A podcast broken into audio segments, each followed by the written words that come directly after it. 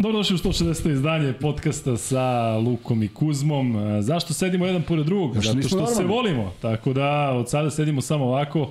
Štedi se Shvatili na da kadrovima bolje, da. i onda ćemo imati samo jedan kadar zauvek e, i Mikse kad bude pričao, on će da dođe ovde između nas da tu priča. I, I ako u ovome ne uživate, Ovaj- ne znam u čemu uživate. Tako je. O, evo ga Mića! Stigao je Mića Berić, mi smo počeli bez Miće i bez Vlahovića, to su nam gosti. Mića Člevan ma, bez- prođi, Mikse, prođi. Može, može. Prođi slobodno. Ovo je moje mesto. Zadihani, onda tamo. zadihani Miha Berić dolazi. Dođi. Mare, Nema, prođe, nema šta veze, li? nema Ajde, zamisli se Ja. kao, Miš, Mić se kao, Miš, Mić je prošao, znaš, Ne, ne, ne, tu ne. Ne kroz vrata tamo Mićo. Mi, Mić ide do, do svog sedišta preko, Preko preko, Takovske. Ja Mić je sam preko uvijek išao Takovske. kroz ono u levo, ja u desno ne znam. Ne, ne, ne znaju ljudi to. Ne sećaju se. Ne znam u desno. Miksa, daj kadar neki veliki. Eto, to je Miće Berić, ako nam To je niste taj. Ako niste znali. Da. Bez štikli. Vi, vi koji prvi put gledate Miću Berića, da znate, dakle, ovo je Miće Berić. Ovo je.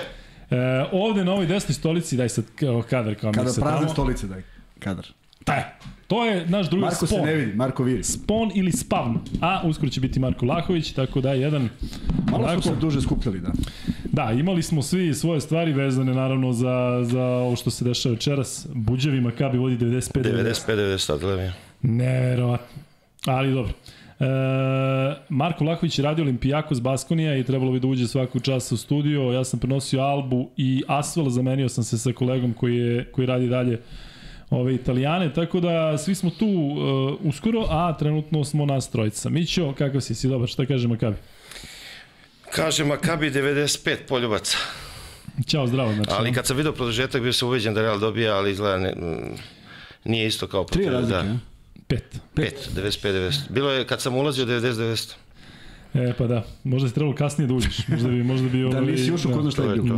to. Da. Malo mikrofon, bit će ti nezgodno. Mesti se lepo, zavali Jel se. nisam, aha, Pa dobro si, dobro si, samo mikrofon. Slobodno pa dobro, mikrofon ako izađemo u pola dva, onda sam ga... Ne, ne, Privuci. Tako, e, to. A, da. E, to, vi kako mi. Mićo, srećan Neka si. dvojka da je zapeo. Samo Neko to ćemo, to ćemo oko dva, to ćemo oko dva. Oko, joj, ne. E, Čekaj, ja neću rušim, rekao Šarence, tako da tačka. Ne, ne, ne, ne, nemamo vremena. Mi imamo neke obaveze. Pa, Idemo oko tri, dva, pa oko dva idemo da. Mićo, e, lepe vesti, lepa sezona, lepo sve, tvoj utisak onako iz prve. E, Sećam te se kada si radio klubove na sport klubu, kada je bila ona Fibina, Liga šampiona, šta je bilo Eurocup i Pa Euro neki timovi. da. Da, ali kada smo igrali Fibinu Ligu šampiona, igrali smo protiv klubova za koje ranije ono skoro da nismo čuli, a i Eurocup je bio prilično mučan u jednom periodu sada, jesi ti A malo... treba da kažeš nešto. A treba da kažem. Mislim, u Fibinoj Ligi šampiona nijedan bio nije bio šampion. Ali generalno i ovaj, sad i i zove znam ono analiza, analiziraš i sad pripremaš utakmicu sad ti moraš da hvališ nekoga ko, mislim, Red je. red je kao, eto, nezgodan. Ako Da, se nezgodna pustio ekipa. nezgodna ekipa i ako, Slovaci, ako da. ostane sam, on će da pogodite za tri poena, za dva poena, ozbiljan, ono, šutira za dva, tako da, ali ovo je već, naravno, svi znamo šta je Euroliga i u pola noći da te neko probudi, već znaš, ono, možeš da pričaš satima, ovaj, dok za Eurocup stvarno ne možeš baš nepripremljen baš na neke one utakmice sa nekim, ne znam ni da im izgorim imena turskih uh, timova. Tako da ovaj ola, ovo je olakšanje, se s Kuzmanskom ti je rekao, Jeste, već samo sledeće godine da da se dočekam se Evrolige. Jeste, potpuno Ovaj- te razumem, zato što ovaj, evo, ovaj, ovo ukrštanje, pa prvi i osmi, pa su neke utakmice zaista diskutabilne za, za ovaj, je. gledanje, ali a mogu zamisliti šta je bilo u onoj, onoj grupnoj fazi i šta je bilo Ne, ranije. I sada pomislim, ja, recimo prošle godine tako radili smo Final Four i to je posle dve, tri sezone Evrokupa, ono sad Final Four, Euroliga. Hajmo pričamo kao, pa toliko kratko mogu da pričam satima. daj još, daj još. Daj, pun sam energije. Ali ovaj, što ti kažeš sad gledajući ovaj Evrokup, ovaj, ne znam da li se ovi iz Evrolige, ovaj, za- ono, da li razmišljaju, da li se upitaju ko je taj koji će da igra i, i koga moramo da izbacimo da bi neko ušao. Pa vidi, bit će diskusija, znaš, niko ne mora. Ne mora da uđe. Evo, po, sad, što kaže, postavljam pitanje, nego da ne bude ono kao, napadam Euroligu. Gran Canaria osvoji. Gran Canaria ne može, počele su eliminacijone, znači dvorana je bila prelepa dvorana, nova, ali tako izgrađena je pre recimo 5-6-7 godina za neki ne za neki, za Copa del Rey ovaj, na Kanarskim ostrovima i to, ali ta dvorana nikad nije, Nikad ni nije puna, polu puna. Čak one, oni su namjerno stavili one boje onih uh, sedišta da izgleda kao da su u dresovima, da je neko u dresu šuto, da je tako njihova, Da ali ne generalno... praznina. I sada, da li da li je to što, što želi Evro... To je jednostavno zakon, tako?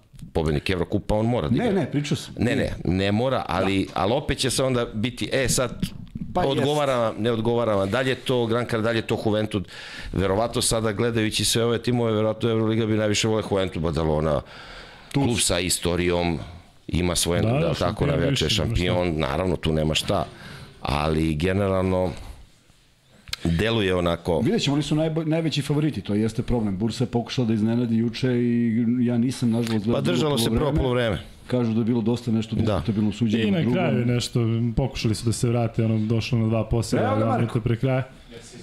Ne, Ajde, ma, upadi. ne, sad gotovo, ne, sad, Ne, sad tu- je kraj. Ne, tu da... Ne, Možeš, možeš.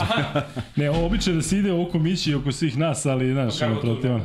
Da, preko stola. Samo izlaznik.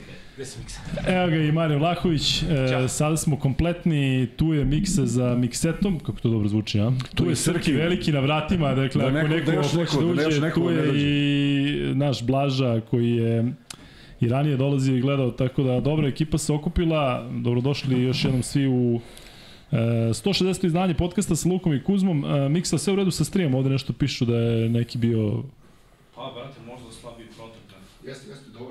sve okej. Pa svi, svi gledaju. Jeste, dok ja nisam. Veliki jeste, broj ljudi gleda. jeste platili računa? Ne, pa to nisam. Pa platili smo Nismo deo. znali da Gde? mora. Platili smo deo. Ne. Sada To, to. isključ. Hvala puno Stilodu koji pozdravlja Miksu, hvala puno Ivanu Jovanoviću koji stalno donira. Viš kako to izgleda sad, viš kako je Genijalno, moje vidi, svira, kaže za gospodina Mića od velikog ciganina. Ej, dobio sam o... O, Pa psuješ u, u 10.33. Tamo ćemo posle ponoći to. Te, te, te poruke i pozdravi. Zaboravite te ovo što sam rekao, molim se. Da, ovaj, e, sad kada su došli e, Vlah i Mića, možemo da pitamo Kuzmu kako je bilo pioniru Kuzma na, na zvezdi. Ej, stvarno ljudi, bilo je, bilo je fantastično. Zaista ovo, jedna utakmica koju poželiš da gledaš, nema veze za koga navijaš, prosto mi ljudi iz košarke uživamo u takvim nekim stvarima, na stranu što je bila uzbudljiva, na stranu što su bila dva odlična tima, ja mogu da zamislim taj sad neki osjećaj kada više ne igraš, a pružaš takve partije, s druge strane, e, mnogo mi se dopala činjenica da hoće da odigraju do kraja i da i da i da pobede taj isti Fener kojim gori pod nogama, kojem gori pod nogama. On, on je dočekao rezultat Olimpijakos Baskonija, ali to nije uteha ni za Itudisa, ni za bilo koga iz prostog razloga što se spremaš za play-off, a ne spremaš se za, za play-out. Treba da I igraš te pritom s, utakmice. s pobedom ideš na Monako. I ideš na Monako, tako je. Tako da veliki šok za Fener i zato je cela utakmica bila spektakularna. Mm, ajde, redko sam pričao o tome, ali stvarno mislim da su te neke minijature u završnici Duška Ivanovića zaista ovaj promenile tok. Dakle, 27 sekundi lapad za zvezdu i on napravi da izvede da Mitrović odmah krene ka košu šok za sistem. Znači, niko nije sanjao da će on krenuti, a onda onih poslednjih 26 sekunde iskorišći ono maltene do samog kraja kada je Kampaco položio, sve ostalo za šut za tri, što je uvek lutrija, pogotovo što nije bilo dovoljno vremena za izgrađen napad i mislim da je Zvezda zasluženo pobedila i da stvarno imaju onako jedan osjećaj, dobar osjećaj iz prostog razloga što je ovo peta utakmica u nizu i što je publika bila tu svih pet utakmica bez obzira što je već negde oko, oko tri unazad bilo diskutabilno da li Zvezda uopšte ima i teoretske, tu su neki rezultati. I pogledaj sve šta se desilo. 17 pobjeda, ne da nije dovoljno, nego je Fener visio sa 19. Da, da. Da, Fener je postojala mogao- mogućnost da Fener ispadne. Fener ispadne sa 19, pošto Baskonija nije došla do pobede, znači 18 nije bilo dovoljno i sad je pitanje u stvari kao u nas, da li da ne izgori sutra Žalgiris i da ne dobiju A da li znaš da je uh, sada recimo kako stvari stoje Makabi dobije, jel tako? Evo sad na, na Dobio što kaže na pet razlike, da bilo je tri, pa sad evo dva bacanja. Uh, Žalgiris je u međusobnom bolji od Fenerbahče. Ali se onda pravi krug, tri ekipe, Žalgiris je najgore, znači ne može bude osmi. Znači Partizan ako pobedi pa, uh, Panathinaikos i Žalgiris pobedi u Minhenu Bajerna, Uh, Žalgiris je osmi, Fenerbahče je sedmi, Partizan šesti. Da, da, da. I ide na Real Tako je. Madrid. Tako je. Zato što je Barsa bolja u međusobnom od uh, Real Madrida.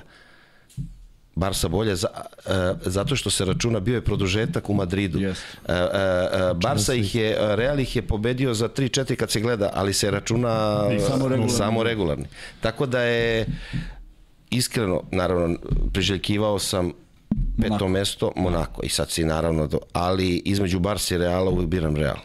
Mićo, a izvini, Kuzma, jel e, Partizan zaista sada u toj poziciji da ne bi trebalo toga zanima ko je protivnik? U smislu, sećaš se da kolo pre kraja, kolo pre ovog, smo imali onu situaciju da može neko da reši za Partizan i onda je bilo u fazonu, svi su bili e, raspoloženi tako, ma nema šta mi da gledamo Baskon ili neki drugi, idemo mi da pobedimo Tako je. Monako i Tako je. Partizan trenutno ima igru, ima kompaktnu ekipu, ima mod za koji mi se čini da bi trebalo drugi da se plaše Partizana, Ne, ne to Partizan bilo apsolutno se slažem. Nijedan od ovih timova koji su, imaju prednost domaćeg terena ne želi Partizan u play-offu. U ovom prošle trenutku Partizan je sigurno u najboljoj formi u čitavoj Euroligi. Da se ne lažemo u zadnjih, znači gledajući zadnjih 10 kola. I konstantno ide uzlaznom Vi, viđali smo tako lošije partije Reala i Barse u zadnje vreme gore dole. Pa i Olimpijakosa. Olimpijakos je odigrao, sad završio je na poziciji broj 1. Ali kakve dve utakmice odigrao loše, ili tako, deklasirao ih i Partizan i Crna zvezda, Tako deklasirao. tako je. Tako da e, Partizan tu izlaznoj, slažem se, Luka, znači apsolutno nema razloga Partizan da se plaši više, nema šta da izgubi. Znači to je sada, uspeh je ostvaren, sada je ovo sve dodatno Naravno, nešto što bi naravno, naravno tako i ni, sigurno neće se ući u bilo u, u, u da kažemo znači u best of five protiv bilo koga ciljano e idemo da izgubimo nema veze mi smo svoji ide se da se pobedi naravno. Ali ovaj eto postojala mogućnost sada kažem kad sam ulazio u studio stvarno sam ovaj nadao se da pomislio da nadao lakše, ovaj da lakše kažem opet Monako iako ni ovaj ja kažem Real, između Reala i Barse, kogod su to veliki timovi to, ali jednostavno Partizanu igra Barcelone ne, ne, ne odgovara, ne prija. E, I taj stil igre, ta tvrda, znači jednostavno u obe utakmice nismo prišli. Vodili smo u, u četvrtini, u prvoj četvrtini i to sve posle toga je bilo apsolutno da smo igrali 48 sati, ja mislim da bi da bi uvek rezultat Posebno u bio. Barceloni, da. Pa i u Barceloni, tako, i, a i ovde kad su nas prelomili, mi smo vodili prvu, jel tako, onu prvo polovreme, realno trebali smo da završimo sa nekom prenošću od desetak, 80, bilo je nešto šest, oni su nas odmah prelomili, ali ovaj, Ali mi, šta je tu? Tu, tu, tu je, mislim, on najveći problem. Eto, i Zvezdu je dobio i, i on, je, on je slomio tu utakmicu isto u Beogradu. Da, i- dakle, on je i njihov- ofanzivni skok. Pa. I, da, i njihov fenomenan šut za tri poena. Yes. Ali šta je tu jednostavno sada ovaj pritom još uvek nije sve gotovo treba sutra da se pobedi pa na Tako, tako, da, tako? govorimo unapred, treba govorimo unapred i treba Žalgiris nama odgovara da Žalgiris pobedi u Minhenu da bi bili šesti u, u protivnom bi, bit ćemo sedmi E, sam ja sad dobro razumio, znači Partizan će na Real. Ako pod bude uslovom šesti. Tako je. Zato što je Barsa, ako Barsa sutra pobedi, opet pričamo, Barsa izgubi. Real je drugi. Sada oni mogu da taktiziraju i da gledaju Koga će da ko će, mo, znači Barsa, a to je ono sad postavljeno bira, da. pitanje, zbog čega se igraju dva dana ovaj Euroliga? Jeste. Ne čak zbog čega si igrao dva dana. Ako si Ne, došao ne, do ali posle evo, kola i tako je. promeni datume samo. Nema više Ne, ne, možeš, ne, ima, ima bilo je istog dana. Tako, Zašto? Recimo, znači, konk, znači Barcelona sada može u svojem, može da, može da namesti. ako igraš može da kaže, hoću da dobijem, ne, biramo Partizan. Veliki minus. Evo, tako? Veliki minus. Znači, jednostavno ne, ne mogu da shvatim da, da te neke utakmice staviš u dva različita dana. Nema Pritom igru protiv. Valencije, što Ve, tek a znači večeras je da- da utakmica pregledam. bila Alba Asvel. Da, što je moralo gledati sutra da se igra. Alba je Dobra utakmica. Pa reci nam nešto, kako je bilo? Bilo odlično, ali po četvrtinama to je izgledalo ovako. E, Alba Asfalt zaista da e, poželiš da ove timo više ne gledaš u Euroligi. Dakle, nije ovo sada jedna sezona Slažem pa da kažeš oni su sada godinama unazad nešto pravili. Ne, ovo je klasična sezona iz Albu, iz Asfalt i svaka čast na atmosferi, oni ljudi tapišu svih 40 minuta, prose godina 60, ništa nije problem, ali mislim da je, da je Albi čak možda i bolje da igra Eurocup, zato što mislim da će, e, da bi u toj situaciji odziv publike bio isti, ovako s Asvelom, Asvel je takva kanta od ekipe da zaista Znaš, ono što pričamo stalno, da to poslednje mesto nešto znači, da negde nekog izbacuje, međutim, a, igra se onako tek da bi, da bi se ovaj, da bi se igralo, tako da, ajte, vidjet ćemo šta će da se odluči tog 18. Možda Čak nas- i da budu i, i predzadnji. Nek se zapita i Tako je. predzadnji i zadnji. Znači je. kao regularno, da, dvoje ispada. da. I svake Tako je, lige dvoje je, ispada. To je bilo... I daj malo, a ovako neobavezno, zadnjih 10 kola, to je takva neobavezna košarka, odgovornost nula, je li tako? Igra se, ajmo, dobili, izgubili, Potpuno pikin, sve. potpuno svejedno. E, ima, ako stvarno Partizan završi sa Realom, Real ima e, strašne probleme na poziciji playmakera. Williams Goss, ne znam koliko još će odsustovati, Ljulj je isto u nekom autu i sad se desilo, ja vidim, niste gledali, ali Hanga izgleda nešto loše pao, ne znam da li su, su gledalci podcasta imali priliku da vide da li, da li je nastavio sigurno. meč. Ove, kako a on je neko ko sad e, je jeli, prinudni organizator. Ali igre, samo da. ko zna tačno kako. Da, da. Ko se čuo sa njim? Kako je zvao? Nešto je koleno, toliko sam uspeo dok sam vozio Iliju da čujem koji je komentar. Mare, koga bi ti volao? Ovako, Gde bi sve voleo si da radio, putujemo? Gde bi volao da putujemo? Ajde, aj stisni sad, Pa ja mislim taj Madrid da del, deluje Pa dobro, fino. Madrid ne može. Čekaj, uh, znači Imamo Olimpijakos malte ne nemaš. E, Monte Carlo je ovaj, Carlo. otpao. Pa nema onda Barcelona ili Madrid. Pa Barca ili Madrid. Dobro. U Barsi sam bio, tako da Bolje Madrid, da? bolje Madrid. Bolja klopa u Madridu. Mare, Da. sećaš se kad smo radili prvi studio? Ti znaš to. Ti, Miće i ja, kada si ti Sećam postavio se, odmah sećam se. pitanje, šta si rekao? Ja mislim da, da jesam te podsjetio sad uživo isto u ovom studiju, da. Uh, dakle, bili smo nas trojica i uh, da li sam pitao gde vidite Partizan i Mića je onako, ovaj, ja mislim da je to bilo u šali, ali negde podsvest očigledno radi kada vidi Željka na klupi i onda to ide tako i rekao je, ono je bilo rekao je, rekao je, sa, sa Željkom samo Final Four. Ali znaš kako je to izgledalo? Ono kao neki, neki zvezdaš ako bi slušao to pored, bio bi ono, vidi ga ovaj Da, grobari. da. Znaš, Dalabu, kao dalabu. Odmah, da, odmah, odmah pričaju, odmah pucaju visoko. Ali u stvari, uh, meni je, što se uh, Partizana tiče, ja se sećam jedne sezone, to je bila 2019. kada je CSKA osvojio uh, titulu. U Vitoriji. Jeste. I ne sećam se neke sezone da je tako neki tim imao uh, takav uzlet kao CSKA.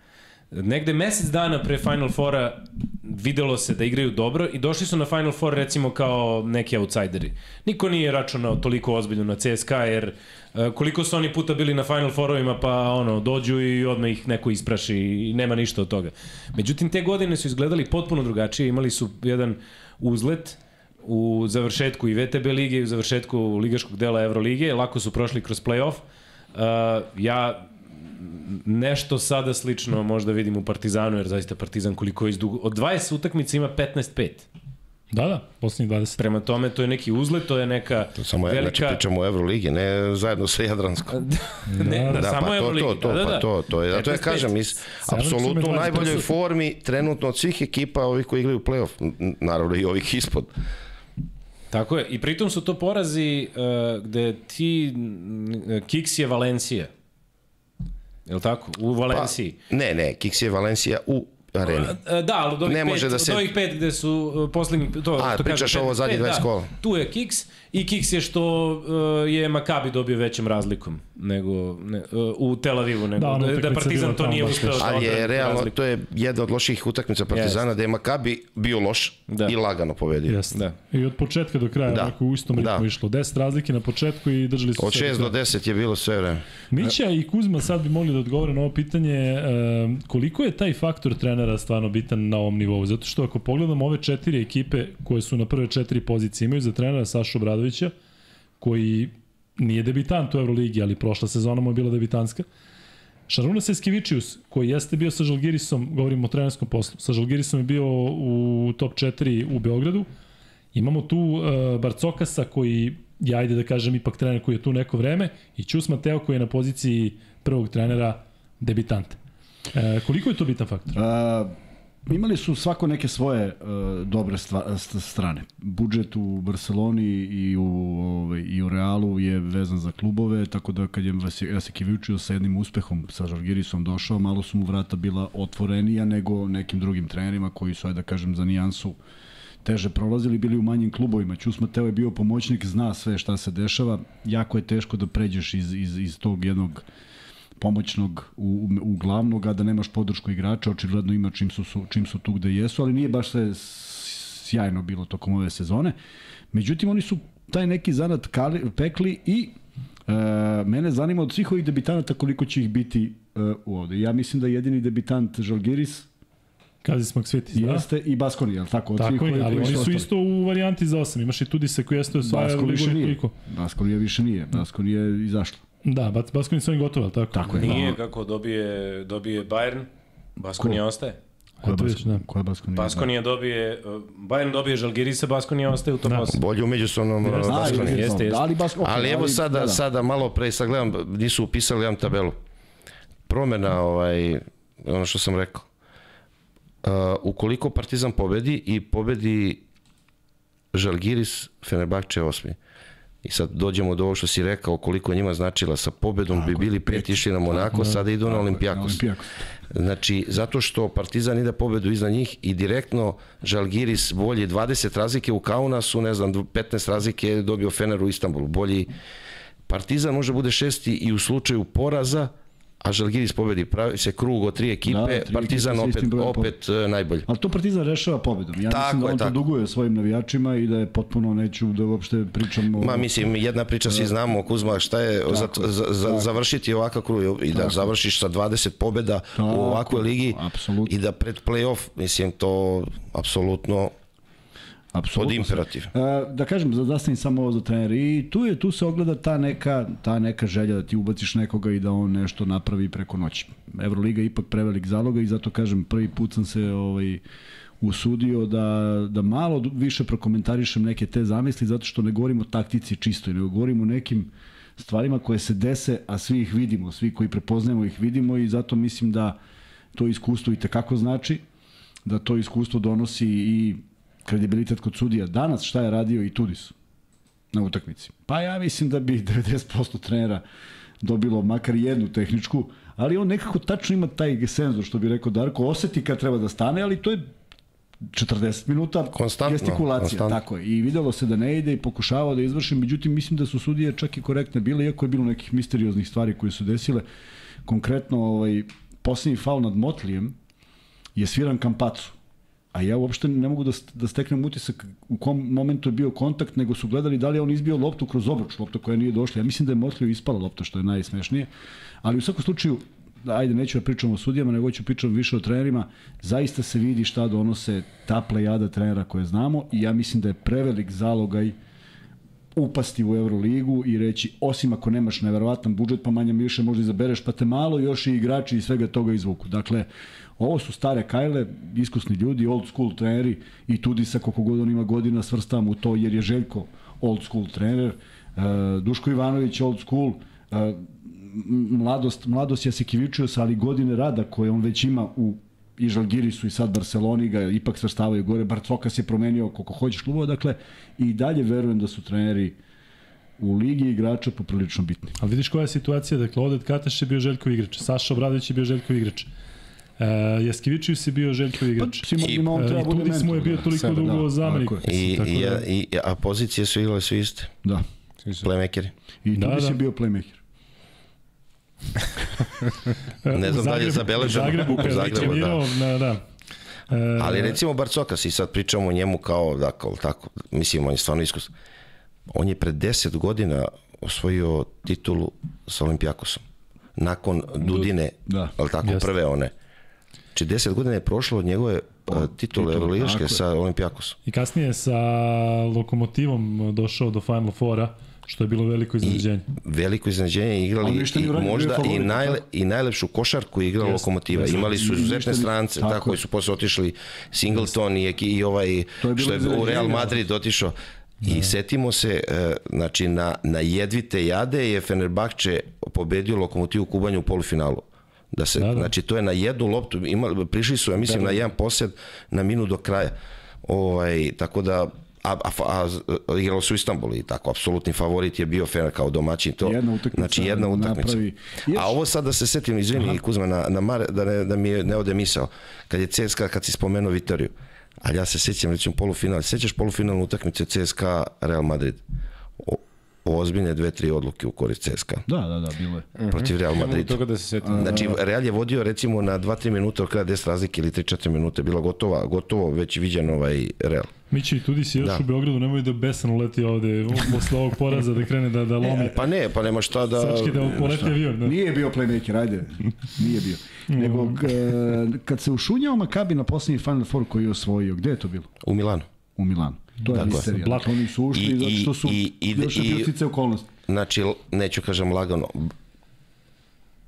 onako, s pečatom su osvojili. Ne? Znači, nije se postavljalo pitanje. Tako je. Nije se postavljalo pitanje. Kako je Rajs tada po, pokidao, nevjerojatno, dakle igrač koji ono, Ma ne očekuješ, tako nije je, dobar Rice. igrač, ali on je igrao ranije na nekom nivou nižem i to je pokidao. I on je otišao u penziju tokom korone, iako je po godinama, ja mislim, imao 32, recimo.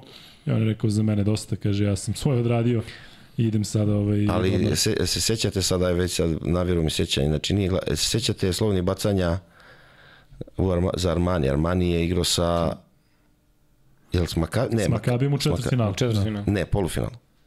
Ne, ne, u četvrtfinalu. Tada Milano nije ušao u... 3-1 bilo A tako? A je li imao slobodna bacanja uh, levoruki, ovaj sjajan tehničar uh, imao je bacanja za pobedu i promaši bacanje u produžetku izgube, mislim da je utakmica koja je na Pišite 2-1. Pišite koje. Sad ću Pišite ja, koje. sad Koji? Daj neku koji je, koji je ovaj drže, drže. Uh, igrao je za Lokomotivu, igrao je za Unix. Uh, ne, ne, ne, levoruki, levoruki, Delaney, de, de, U, znam, onaj crnac. strašan igrač, samo, da, da. I išao u desno. Čekaj, on je lep šuter. Le, levoruk. Ja sam vidi. Crawford, nije Crawford, 39 nego- igrao, bre, prosečno. Da, da, da, da. Ma, fenomenalan igrač. bre. Fenomenalno. Igrao je u Makabiju. Langford. Lang- Langford, Ki- Kit, Lef, uh, Kit, uh, Lefford, Kit Langford, Lefford. jeste, on je... Promašio je bacanje da. za, po, za maltene plasman Armanije, ja mislim na Four, tako nešto. Za Langforda je ovde neko pričao da je najbolji igrač, da li je Jović ili neko je govorio da takvog eh, saigrača ranije nije imao Langford koji igra u Ajku prošle sezone ili tako nešto, ali mislim da je on završio. Šta kažeš, Mare? To, gde igra Langford? Ne, Langford ima 36, 37 godina, tako da ovaj, nje, eventualno njegovog brata da dovedemo. Njegov brat je jedno 3-4 godina mlađi, ali mnogo, mnogo slabi igrač. Ali je bio zaista pakli jedan na jedan, da. E, Ma, negde po nekom Portoriku igra. boli. Porto Riko igra Bugi Cousins.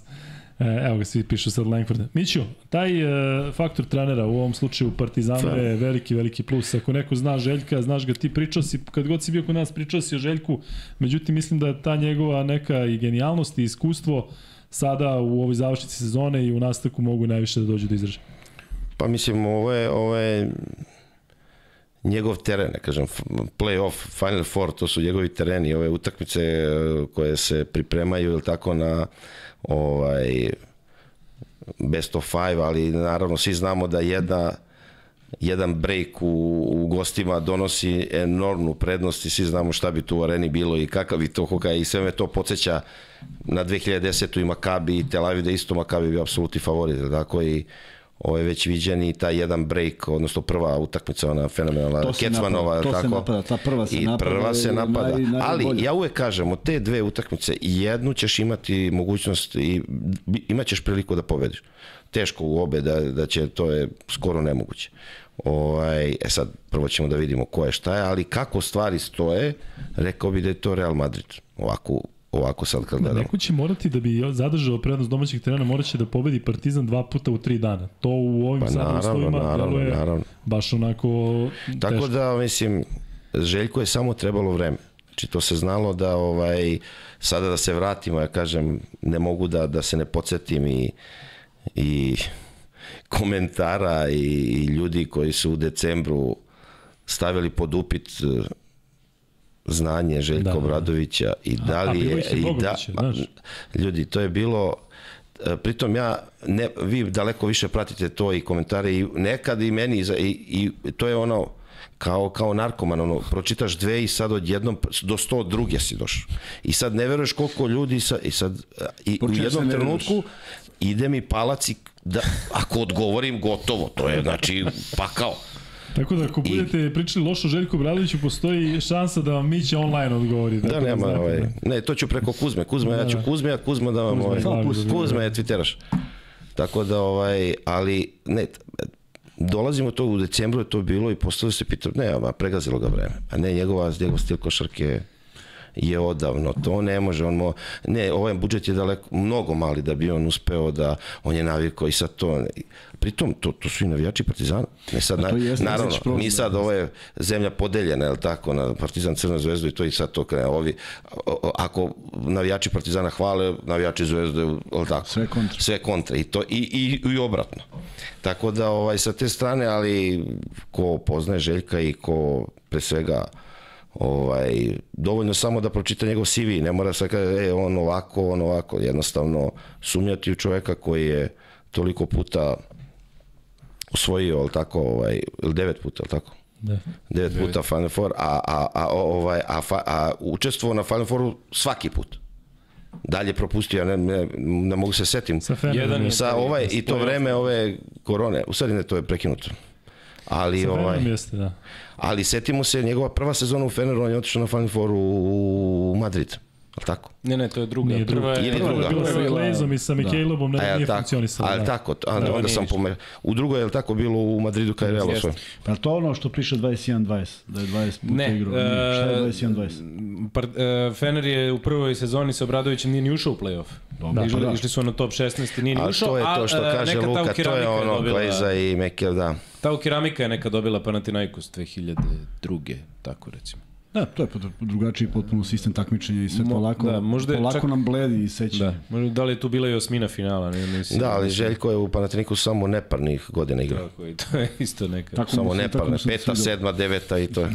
E, Miksa, Tako da šta, mislim, on- Jesi ti partizanovac? E, dobro, on Mikse ne računa. Dakle, mi obično ovde imamo, Srki ti znam, dakle ovde trenutno Kuzma u studiju 80%, 20% ovo je odnos što mi inače ovde e, pitamo. Postavi pitanje ono da vidimo kakva je sada Ajmo, je sada braćo, situacija. Crveno-beli.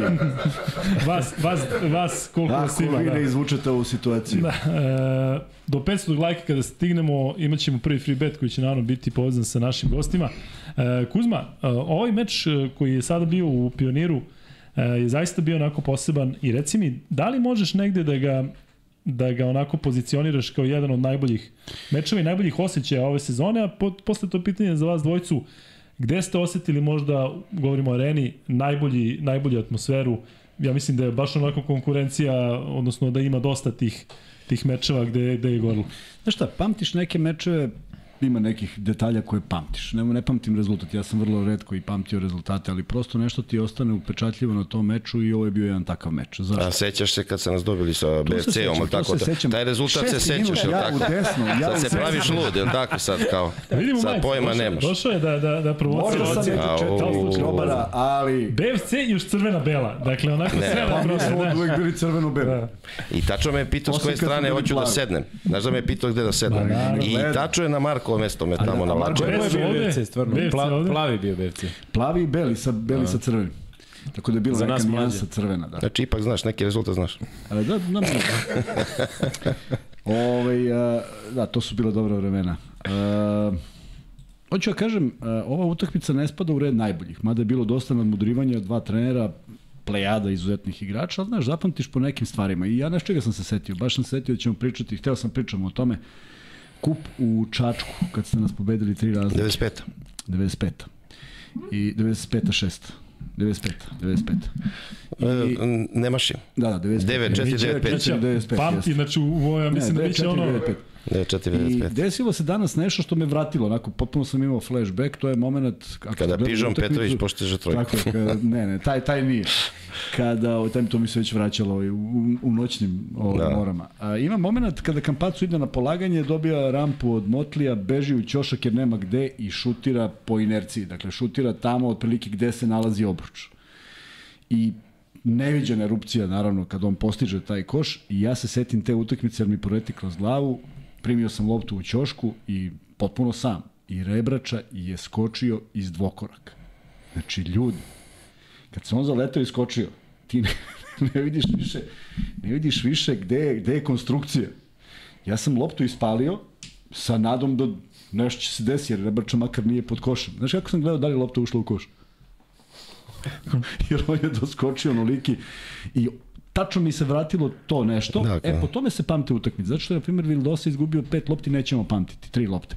Ali ima neke neverovatne poene koji ti ostanu u sećanju kao jedna kreacija da si gledao ove godine u Beogradu i na Partizanu i na Zvezdinim utakmicama ozbiljno dobre ljude, ozbiljno dobre igrače koji mogu da, da ovaj barataju loptom. Tako da mi je više ta utakmica o jednoj energiji koja je, koja je bila na terenu, u jednom kampacu koji je fenomenalan, u, u, u svim tim šrafovima koji čine jednu ekipu i fantastično za ipak fantastično ovaj, ne želim da poredim, niti sam nikad poredio, mislim da i jedni i drugi imaju fantastične navijače, ali ovaj moment u sezoni je taj koji je obično odvlačio navijače od dolaska na utakmicu. Ovo je bilo fenomenalno. Dakle, jedna podrška koja je bila bezrezervna za nešto što su želeli, to je pobeda. Meni je mnogo drago što nema špekulacija da li je Zvezda htela da igra protiv eh, Fenera i Partizan, da li im to znači jednostavno sve, od, sve Pa čak i odagnali. prošle nedelje protiv Olimpijakosa. Tako je. Sve su odagnali jer želiš prosto, pa šta smo ja i ti želeli? Pa da pobeđujemo, nismo želeli da nam Tako neko je. tamo priča šta treba da radimo i da ovaj, kalkulišemo. I košarka je divan sport jer nema kalkulacija. Kogod je pravio kalkulacije, to se završilo loše, tako da, ovaj, eto, sa tim nekim utiskom, mislim da svako ko je bio na utakmici večeras ima jedan poseban doživljaj, pozdravili su navijače, bilo je sve kako treba, i, i velika pobeda, koliko god ne značila ništa, ali pomrsio se računa nekom Efesu koji sad ide u potpuno drugačiji, ja mislim da je to satisfakcija. Drugo, ko iz Zvezde sledeće godine igra ponovo sa Efesom? Pa ne znam da li će biti baš mnogo ili manje igrača, vidjet ćemo. Neće svi. Tako da je to bila prilika za jedno nadigravanje i zaista mislim da je bila dobra atmosfera. I E, dobra utakmica. Mićo, Marko, vi ste Ajde, ono, Mare. Postali e, sinonim za te prenose Partizana i ljudi vas vezuju za, za taj uspeh i zaista sa sjajnom energijom radite i ja Onda mare se tu još hvala. šapućem sa strane, šta da kažem. da, znam, znam. Ne čuju Neki me, ali pričamo. napiše poruku i. Napi, I na uvomu samo. A to ta košulja srećna? Ne, ne, ne, ne, ne, čuvam, pa ne mogu da... Ta, da ta je na ventilatoru. ona je sutra. Ona je za sutra. Da. Ali stvarno imam, imam pet od pet. Pa neka. Sutra Dobro- dobro da da idemo da na Final. Four. Ali to od kako si to rekao, ono, Ali, ali ljudi, vi nećete verovati, ja sam... Ja ne perem. Pa, ali Plakne mi je. malo, malo, a ne, čisto da se ovaj ne izgubi kontinuitet, znaš, ono, sve se plašim, sad će lo- slabiji procent. Hoćeš Nego da koliko ti je, da jedno majicu da 20, probamo ma, sa tom, ja ne mogu sad lupiću 20, 30 ljudi. Kaže, nemoj samo ne menjaj košulju. Znači, koliko ljudi, ljudi Sad gledaju, ne to smem, pamte, dešava se meni meni neko je prebije. To, meni je to frapantno koliko su ljudi to zakačili. Ne, ne, neverovatno. Ne, ne zakačili, nego Lucky zapamtili shirt, to. kaže, pazi na lucky shirt. Ej, kad se promeni taj neki ritam, ti javi ti da znam neku crvenu Da. majicu, nema, imam. Ma mislim, realno nije realno da sad obe u Madridu dobijemo. Ali ja ću morati je nastavim, bar jednu ja nastavljam da nosim. A šta ste rekli? Prva je važna. Ja mislim znači, da je prva, ja nosiš, mislim da će, drugu... da će Obradović prvu gađati apsolutno svim raspoloživim Pa dobro, snagama, to zato naravno. što je to nešto što, što ne možda čekaš drugu, jednostavno nagaziš nečim što možda bude iznenađenje. E, Kako si lepo rekao, nisu nikad dve iste. Niko Nikad. ne odigra u istom, niti neko treba da odigra. I kako odigraš prvu na tom nivou, onda naravno da drugu moraš i da labaviš, nema razloga da juriš drugu, jer je niko nikad nije stigao. Retki su momenti. Željko je stigao protiv Panatanikosa kada je vodio Fener, ali to kažem, redki su momenti, tako da samo tada je peti izbacivo četvrtog i, i to je to je dobra prilika, bez obzira s kim igra. Da, pa primjeri su ovi zadnji sezon, pa evo gledamo, je li tako, Barcelona, Bayern. I Bayern Koliko? napravi break. Ovo napravi break, vlade, bilo je breakova i uh, koji još beše, uh, Bayern pre toga Armanija. Da, Da, tako da. koji je bio, znači Pa dvije onaj za rodem, da tako je, tako da. je. Pa Ledej onaj koš. upravo je upravo je Ledej dao koš za Tako, pobedu, onaj na 0, ne znam koliko, 3 sekunde b- blok u leđa, ali tako ovi nisu prodali im onu foru, tako da iznenađenje i, i, sve, i uvek su brejkovi bili u prvim utakmicama. Da, da. E, Mare, nastavi. Mare, E, utakmica koja, Koja ti je ostavila? Dve su onako, o- ono s početka ja ne mogu ni da se setim, ono, Armani Virtus, to, to mi je toliko To je daleko. davno, ali dobro se sećam Efesa, zato što je to okrenulo, okrenulo sezonu i Anelija, to je bila najneizvesnija utakmica Partizana u areni da je Partizan dobio, ja mislim. Jer tu je Naneli je to dao na, u poslednje dva minuta, to su bili to su, rezultat se tu lomio. I, pa ja mislim da se lomila i cela sezona, zato što je do tada Partizan, ako se sećate, ono, uh, gubio od Asvela, pa tu je bila serija uh, poraza, poraz od Zvezde, takođe, sve su bile one gluposti koje su igrači Partizana pravili i zato, zato gubili. I onda se desio Efes i uh, ovo, mislim da ovo sa Realom je bila, bio ovaj vrhunac uh, po, uh, posebno su upečatljivi ostanu momenti kada vidiš da je gotovo i tad ta trojka Nanelija je bilo vidiš da je gotovo, da je protivnik ono, dotučen i isto je bilo ovo njegovo kucanje sad protiv Reala kada ne znam, Musi su uzeli loptu i on je bio u kontri i, i zakucao, mislim da, da se tu, to je ono kad je Naneli počeo da, da igra po Da, parketu. kad su svi počeli. I inače nje- da, I tad je bilo plus 20 sa tim zakucajem. Da, i tu vidiš da je ono, u, ugaženi Real bio. I, i, i, to, I to je onako, ja mislim da se tu treslo onako pod, pod, pod nama tamo u one, one loži. I mislim da, eto, to, to bih onako izdvojio kao dve, dve utakmice koje mi baš ostaju sećam. Inače, postoje utakmice kojih se apsolutno ne sećam. Valencija. Uh, ne, Valencija, uh, kad je Partizan pobeđivao, tipa Baskonija, Asvel, zato što je Partizan toliko kontrolisao da, te utakmice, znaš, ono, na, na kraju, znaš, Bude kao... ti dosadno, ono, znaš. Jeste, da, ni, ne, evo, razmišljam koju reč da kažemo, da, bude ti dosadno, znaš, zato što cela, cela četvrta četvrtina Kao, to je to, To nema, nema zato uvek otpora. uvede uvek u neizvesnost, znaš, da na kraju to bude, Da, ne, da, ne bude da, zaboravljeno. da ne bude da su džabe platili karte, da, da bude uzbuđenje na nivou. Ovaj, tako da, eto, da, te A neke... koja mi je utakmica prekretnica? A ja bih rekao, recimo, ne, ja ću samo da kažem- A, Ajde, izvoli. Da, Efes to, ali ovaj, mislim i Kaunas značajna pobeda, jer u tom trenutku direktan konkurent imaš 2-0, daleko lakše ulaziš u ono. Zamisli sad u ovom trenutku da smo imali poraž Algirisa, pa krug se pravi, Čekaš muku, čekaš muka. muka, Znači, da. to je pobeda. Ali što se tiče, ajde da se vratim na ovo poslednje pitanje, ovo što je Marko rekao, baš u tim trenucima, tih par minuta kada je Partizan došao na plus 20, stvarno je atmosfera da to nije bilo čovjeka koji nije navijao, to je stajalo to. Ali od prvog do posljednjeg trenutka, od zagrevanja atmosfere, utakmice, ja, bi, ja apostrofiram Olimpijakos. Meni bolja atmosfera, bučnije, to je bilo za decibele, za 1, 2, 3, 5, koliko, e, glasnije od najglasnije prethodne.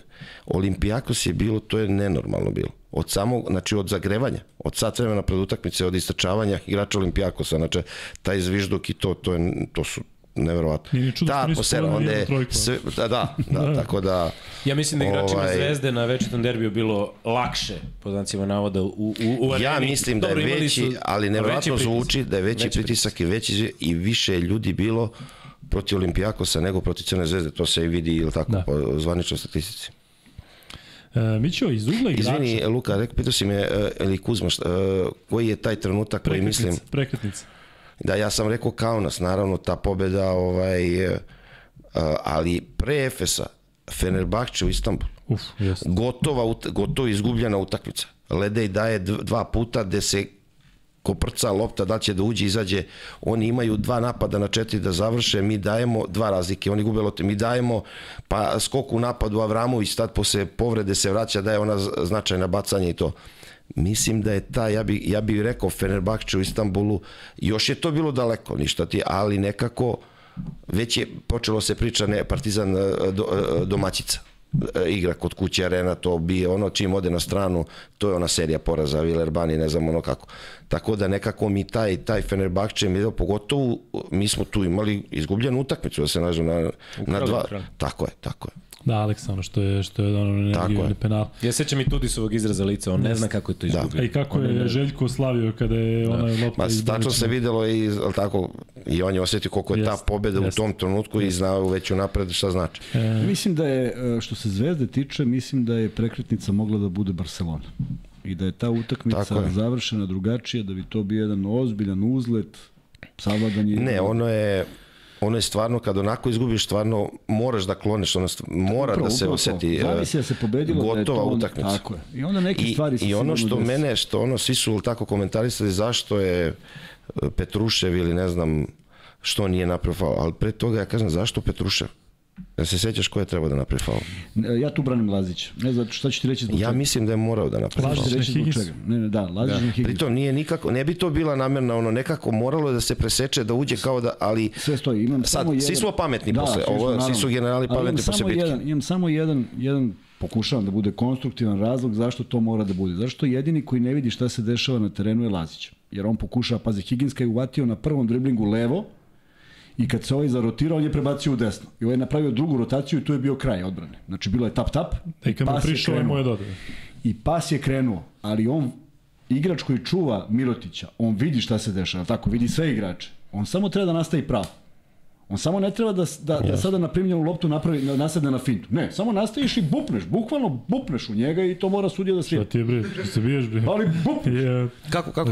Mare, za meni se molim te čekaj, Srki, dođi vam postavio. Da. Čekaj, čekaj, ja da Drugo pitanje je sad vezano za to, ajde sad, e, za tu utakmicu. Da, da, da. Da li je moglo da je neko, je li tako, tu ne, ne može da se u, u koristi VAR? Ne, nema. Tako, Nema, na kraju nije to, dosuđeno, kad ako nije dosuđeno i to. Ima jedna glupa slika sudije koji stoji tačno tamo gde se to dešava i neverovatno. I nema šta da drugo onda gleda. Dakle, Da, da, ovo je on- ovde on njemu na gleda pola gleda, gleda Evo, dakle, evo, sve. igrali su, igrali su uh, Borac Zvezda, posljednje kolo ABA ligi. Svaki put su dosudili, jer taj sudija samo gleda to. Ma, nema, oni nema uvek I što da li je, to je bio uvek taj sudija, čovječe. koliko kažem? Četiri utakmice, ne znam kako se zove, mislim, nema to utakmice. E, jel, Pa naravno. Ne, koliko je bilo, recimo 13 sekundi da je bilo to Higgins, e, Ne, manje, Mirotic? manje, Manje, manje, manje, manje, manje. Odmah? Ne, ne prođe ni sekunda. Ne, Ne, ali dogovor je bio, jel- dogovor je bio na time outu kasnije. Je, rekao da, da, se, da se pređe na polovinu Tako, pa da, Da se pravi da ukradu dve Tako sekunde, da ne, tako ne, ne Da, pravi da. se faul ispod Tako svog koša. tako. Bar pustiš do, do, do centra. Tako je. Znači, ali nekako ja, ja više, ja, e, Petruševa su najviše napade. Kako, jel tako ti za... Samo zato što je reagovao na fintu. Nema tu više finta. Ne. Jer tebi je cilj da napraviš faul. I kako gleda, Ali- leti, gledi, leti ali- lopta, trčiš. Kada trčiš. dobije uh, Mirotić, Pa znam. iskusan ono, ti da hoćeš, on može da izvuče tri, svi se plaše tog faula za tri poena. I tri baca koji će da izvuče. stoji, sve stoji, ali vidi- Higgins nije ni, mislim, moje mišljenje je da je trebao, la, a sad mogu i da, znači, da grešim, sad ali o nekom dogovoru sad pričamo mislim- o toj utakmici, Jasno. tačno znam, sećam se i sad recimo sa tom pobedom Zvezda? Zvezda, Nakon- Zvezda, Zvezda 18. Ali ja bih te ali pitao, bi ajde objasni mi. Utakmica protiv kako mo- da se utakmica protiv Albe Ne izgubio. možeš, ne možeš Albu, ne možeš... I sada gledaš ovu energiju zadnjih pet utakmica Zvezda u koji Upravo tu to. igru. Tako je. e, To isti nije bilo povređenih Nije, igrača. nije, nije, nije. Znači jednostavno To je to što će biti da li je to tužno. to što što je Alba stvarno ne leži godinama Zvezdi, ali e, to su utakmice, ja spominjem uh, izgubljen meč u Kaunasu kada ti vodiš 7 Devet, razlike na sedam 3 razlike na pet 3 minuta minuta, kraja. tako. Ja mislim da je bilo 3 9, 9 na 5. na 5. A se onda i isto tako uh, 16 protiv Panathinaikos. uh, Panathinaikos da. Da, E, to sve u ovom periodu, je to sve u ovom Da, periodu su- Vildosinog? Jeste, pada, da. To je Jeste, jeste, da. I danas je vidi, imao svoje ali to nisu, kerefeke ali to nisu padovi od 30, to nije 40 minuta pada. To je 25-30 minuta pri, pristojne igre protiv Žalgirisa 35 minuta, ti vodiš 9 razlike. Protiv Pantanikosa poluvreme, ali i tu vodiš 16. Znaš, jako je teško izgubiti 16 razlike tek da prospeš. Pritom, e, ozbiljno neuigrana ekipa, ovi ne znaju više ni šta da rade, nego kreću na neku, na neku Izvini, bez znam da neću da kažem Panathinaikos. Minhen, Bayern. Ba, ba isto. isto. Je li isto bilo Isto, isto na sedam razlike na Tako 3-4 je, minuta kraja? Da, to nije jedna utakmica, to su Nije, nije, četiri utakmice ne, to je serija. su ozbiljna... Desilo se to, uh, imaju za čim da žale, ali naravno neke stvari koje su se desile ove sezone ne treba da se ponavljaju, to je onako nešto naoručenije. Uh, iskreno govoreći, ajde sad da budemo onako realni, da je na onom sastavu Zvezda neko došao i rekao 17-17, pa ja mislim da bi neko došao i potpisao i rekao, slušaj, 17-17 imamo, pa ako nas malo sreća posluži. Pa dobro, bilo je tako pre... e, da li pe, neko je sa 7, je bilo jednom sa 17 je Tako neko, pa- zato pa znam, kažem, sam znači, zapamtio, ako, tako ako je. budu neki rezultati pa te malo pogleda sreća, ali niko nije očekivao posle 1-6, 17-17, to sam ubeđen i u stvari to govori o, kad pričamo o učinku trenera, a ako Željko ima 20 sutra, daj Bože da, da pobedi, imaće 20-14, je Tako je. A, to je period kada Duško Ivanović ima 16-11. To su respektabilni Kako ne? rezultati. Zamisli 16-11 da si ti u nekom naletu, pa to imaš onda znači bar još četiri utakmice kod kuće koje su ti sa nekim lakšim Ali protivnikom. gledamo, gledamo države koje imaju dva, dva, dva Tu smo- predstavnika. tu smo fenomenalni, da. 24 Španci pobjede samo, Olimpijakosa i 11 Panathinaikosa. 35. 35. Zvezda i Partizan 37. imaju već sada više. Tako je. Pra, Francuzi sa Monakom koji ima 21 i Asvel ima 8, 29 daleko iza. Pazi Nemci, nije ni za poređenje. ništa. Bayern 11, Imaš Alba samo, 11. imaš samo Španci. I sutra možda ima. Italijani, 15, Ništa, 14. kako- ma kako. Prosto Imaš nevjerojatno. samo Španci. Da, da. Samo španci. E, Mićo i Kuzma, ovo važi za tebe. Dakle, igrali ste u, krcatim, e, u krcatom pioniru toliko puta u onim drugačijim uslovima kada je moglo da se sedi po svim slobodnim mestima. Kada je Partizan prešao je bila arenu... plava loža. Da, i kad se pušilo. na- Legendarna plava. Da, e, kada je Partizan A, prešao a arenu... koncert zabranjenog pušenja je uvek bio pionir. Da, da, jeste, jeste. Svi su mislili da je koncert sledeći. Da, E, kako je igrati u takvom pioniru i kada su ljudi pričali da će Partizan izgubiti odlaskom u arenu zato što Partizan ima, odnosno pionir ima svoj šmek i ima neku, neku ipak, valjda je bolje igrati pred 20.000 ljudi takođe u krcatoj dvorani. Ja, kada je bio taj period tranzicije Partizana iz e, pionira u arenu, ipak je postalo neko mišljenje da možda to nije dobro. Međutim, ovo je, ovo je, kako tebi to deluje? Jel bi volao, naravno da bi volao da igraš u, punom, u punoj areni, ali pionir je nekako onako, kao akustičnija. pa jeste manje akustičnije i pritom ti zvižduci, taj, taj pritisak je da. neverovatan. On stvarno A, kao da je u areni je iz utakmice, u utakmice, evo Marko to može potvrditi isto, da, sve veći i veći pritisak. Znači u jednom pomisliš ne može, pa onda sledeća Da. da. kad to krene da kad ustaju, pa kad to nema, ja kažem one stolice više ustaju nego ovaj nego ovi ultrasi, razumeš? Ali to je stvarno i to je taj pritisak koji se stvara. Ja se sećam ranije, odnosno sećate se svi Bolonja i to, pa, pa najviše su protestovali i vređale vređali i vređale gospo, go, go- gospoda Iz i prvih- iz gospođe prvih iz prvih da. redova. To je najveći pritisak od njih bilo, to su na svaku odluku. Tako da ovo je sad neverovatno, ja kažem, naravno da u jednom trenutku ipak, ajde, pa, na, pionir akustičan, ono kad, kad krene, ali ovo sad u areni je stvarno, pomisliš da nije arena. Mislim, arena e, ogromna, je tako, velika, ali ovo to je sada ti slobodnog prostora ne vidiš. Da. Mislim, stepenice su Da, već odavno, spojilo, da, da. stepenice se već odavno ne vide, ali ovaj, to je se spojilo i to je taka količina ljudi da pomisliš da je futbalski stadion. I stvarno je atmosfera i, i nekada znalo se i postoji, jel tako, bilo je kada ide do, svi navijaju, ali u jednom trenutku komplet, kompletna dvorana navija, svi ustaju i navijaju. Mislim, stvarno ne, Da, da, neverovatno. Kažem, stvarno budem, ja sam da. nekoliko puta rekao i, ovaj, da, da sam i, i ljubomoran malo, šta- šta bi dao sad razmišlja da se vratiš, a malo da pa samo da ovaj samo da ovaj se pojave. Mogu da I pretim da Željko da fintu stvaran, šuta da, i da tražim izmenu, samo da mi tetiva ne pukne. Lepo pozove Željka, kaže Željko vidi, ja imam plan. Pa Imam ti iskustvo da. neko. Ne znam da li mi veruješ, ali bolji sam od polovine. Pa jedan specijal, samo da je primiš u ćošku. Nategneš i to je to. Da, da. E, Da mi Lesor napravi jedan dobar blok. Dobar blok, Dobar blok. E, zanimljivo, ima mnogo pitanja, ima mnogo donacija, nemojte se što ne možemo sve da prođemo, tu je i Bojan Marko, tu su svi oni koji inače doniraju, imaju i dobro pitanja, ali evo jedno koje ćemo sad izdvojiti, to je Dakle, uh, Luka, ajde neku opkladu sa Markom i Mićem kao što je bilo šišanje za Denver, pošto sam ja obećao da ću se ošišati ako bude Denver. Šta Pa ćete da vas dvojica da pa da radite Mića ako pusti, Partizan, pusti kosu. ako Partizan bude e, šampion? Ja se danas šišu, čovjek. Ne mogu sad opet da... Ne, morate Ja, nešto ja ću ovde. ovaj, šiške da puštam. Ti pusti Mića. Neko, nešto s tom ja ću- košulje moraš, znaš. Dre- Lako je ošišati se. Misliš da obučem ovu ovaj, Kuzminu, ovu Mića BFC? nosi, Mića dobija na poklon BFC crveno-belu. Može. Jedan studio da rade goli Nemam, ne. Ne se skinuo, kad se vrati kamera, nije dvojica od I, ne mora često, ali samo na svečanostima da nosi. Ajde, ajde, Daj nešto, Mar, dakle, goli do ideju. po, pojasa ako... Aj, aj, aj. ne, ne, da, da ne preteramo. Da baš imamo, mora se krenuti. Pa ne, sledeću sezonu. kupamo da, se da, da, da. u fontani u Kaunasu. Možda Odatle ide, odatle ide studio. Da. Ne, i, e, idemo, izlazimo sa Arvidasom. Idemo u live. Zovemo ga. Zovemo Arvidasa. Inkognito negde. da Kao i on je, i njemu je Željko bio trener, tako da... Jeste. Ali pazi, malo pre, on. kad si, kad si rekao za Rebraču da te je blokirao, razmišljam ako neko ima broj Miće da ga okrene sad i kaže, Rebara, ti se sećaš kad si Kuzmu blokirao u tom meču A da nije kaže u blokirao, live? nije blokirao. A šta Samo god, je, skočio, ja, ne, ne, ne. samo zaklonio mi sunce. je. naljuti. E, Pritom u Čačku, tako, nije visok plafon. Nije visok, mora je baciš. Znači- Mislio sam da udara gore. E, momci, ajde malo da, da prokomentarišemo svi zajedno, pošto to je nešto što mi radimo nakon utakmica, komentarišemo učinak pojedinačno igrača. Hajde malo da se zadržimo na nekim uh, igračima koji su obeležili ovu sezonu za Partizan, ali manje više mislim da su svi dali, dali neki svoj doprinos. Bilo je Miću na početku sezone one priče, sećaš se kako igraju samo stranci, međutim to se tokom sezone uh, promenilo, pa čak i ovi koji iz Lura da to komentarišu, ipak Avno Amović je postao toliko bitan faktor, vidimo koliko je Smiley napredovao, ipak treba uzeti u obzir da je tu bilo dosta povreda baš tih igrača od koga se očekivalo, ali neko ko onako ipak je možda malo razočarao, to je Andjušić, u smislu definitivno se očekivalo više i da će igrati i da će doprineti.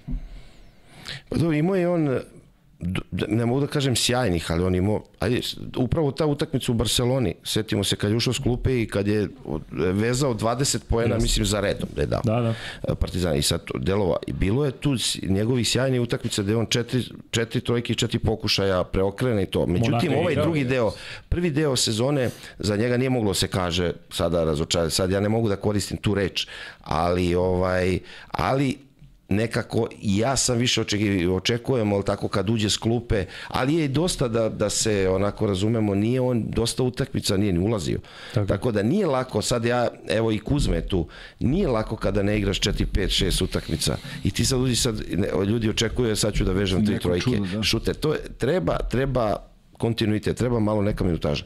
Ne da sad kažem morao je da igra sad, sad da pričam da je Željko morao ga uvede, ali, ali nije, nije, nije, nije lako, nije lako, ali da smo očekivali, pogotovo ja kažem, ja bi to na, podelio na dva dela, taj prvi deo i drugi deo, drugi deo se izgubio, da kažem, onako izgubio i samopouzdanje. Zadnjih par utakmica vidljivo da je izgubio samopouzdanje. Čak je protiv Cedevite bio onako kad je ušao pa iz Icere mašao i on ne samo i sam I da, nesigurno, da, da. vidim Nesi i, i izgubio je jednostavno kad, kad igrač izgubi samopouzdanje to je vidljivo. Ovaj, što ja i dalje mislim da on može da bude u nekom trenutku i džoker. Zašto da ne? Iako je naravno sada znamo ko je i teško smanjio je ali je teško u da. glavi, tako je. Tako da, ne znam, ono, i dalje, ovaj, i dalje mislim da on može, može, može da neke utakmice preokrene. Takav igrač, on je igrač serije. I upravo ono, on može da dve trojke, dvojku, dva bacanja u, u minut, tako, dva, osam poene i da preokrene utakmicu. Ko je najbliži iz Partizana tvoj nekoj, tvom nekom stilu igre? Kada bi sad morao da porediš. Dakle, nekog kada gledaš pa kažeš, e, Pa teško, ne, pa ne, Ne vidim baš. Mislim, ne da ne vidim, to su drugačiji tipovi igra, sad i ovi, da kažem, Naneli igra, ima drugačije, ono sa Panter je specifičan na svoj način, ili tako, ovaj, šta znam, sad ne, ne znam, to bolje drugi, sad ja da kažem, ja da, liči mi, ne liči mi. šut je, ja mislim, nešto što se od njega onako očekuje najviše. Pa dobro, on je po- polja. prepoznatljiv po šutu je. za tri, pa da kažem, prepoznatljiv ima stvarno i lep ima i pravilan izbačaj i lepo to i kad naskoči sve to deluje stvarno fenomenalno. Kad uđe Da. za špice. Mare, smajli. Samo ću za Andjušića da kažem, ako sutra se desi da igra i ako da trojku, ja mislim da će to najveća erupcija da bude koliko god, koliko god rezultat u tom trenutku. Svi navijači Partizana Jedva čekaju, da. njegove koševe jedva čekaju. Stvarno je tu problem onako samopouzdanje. Uh, oni protiv Olimpijakosa prošle godine u seriji Monako Olimpijakos imao jednu utakmicu koju je, ja mislim, on prelomio, nešto imao 20 poena. Treća ili četvrta, jeste, da. eto, U Pireju. Je li tako? Ja mislim da je u Piraju bilo. Onda je prva. Nije, da. Oni su poveli 1-0. Tako beš. E, mislim da je jednu dobro, sad možda, možda grešim. Ali jednu je on odigrao, ono, Uh, Smajlagić je, jel, uh, ja sam našao podatak da je u martu nešto među 10 najboljih trojkaša, dakle on ovaj, jeste da redko tu trojku šutira, ne- nešto jednom do dva put po utakmici, ali to je 50%, molim lepo, tako da ovaj, meni je najfascinantnije kako on uh, radi neke stvari koje na kraju ako pogledaš statistiku sve nule čoveče, a u stvari vidiš da sam se ja zbog njega prodrao u mikrofon jedno deset puta zato što je odradio neke stvari koje, koje su bile ovaj, strašno značajne za, za defanzivu. Uh, I meni je mnogo interesantno kako ovaj, on ima taj odnos sa Obradovićem da, da, da ga Željko bodri, da, da, da ga diže i evo danas sam ja baš ovaj, razgovarao sa njim ovaj, bili na, na, na treningu te zvanične izjave jeli, koje, koje koje daju igrači Partizana, kaže, meni Željko kad me bodri, ja se zapalim, hoću, daj, daj da pokidam koga god treba. Tako da, ovaj, mislim da je mnogo srećan i to onda stavlja na parket ovako kako, kako to izgleda. Daj da imamo pol, koliko, koliko ima navijača. Šta ćeš ranije, pre nego što... Pa ne, na Dedim? primjer, da vidimo. Stavi, Mare, ti Sad ću reći zbog čega, Mare. zato što, zato što ovaj, a, nismo prošli igrači Zvezde, a ipak se igrala utakmica, pa rekao samo da zbog... ako ima 53% Partizan, 43% Zvezda, E, pa neko dobro, treći 3%. Onda okej, onda ne moramo Očekivano žuriti. Partizanovaca Onda ne moramo žuriti.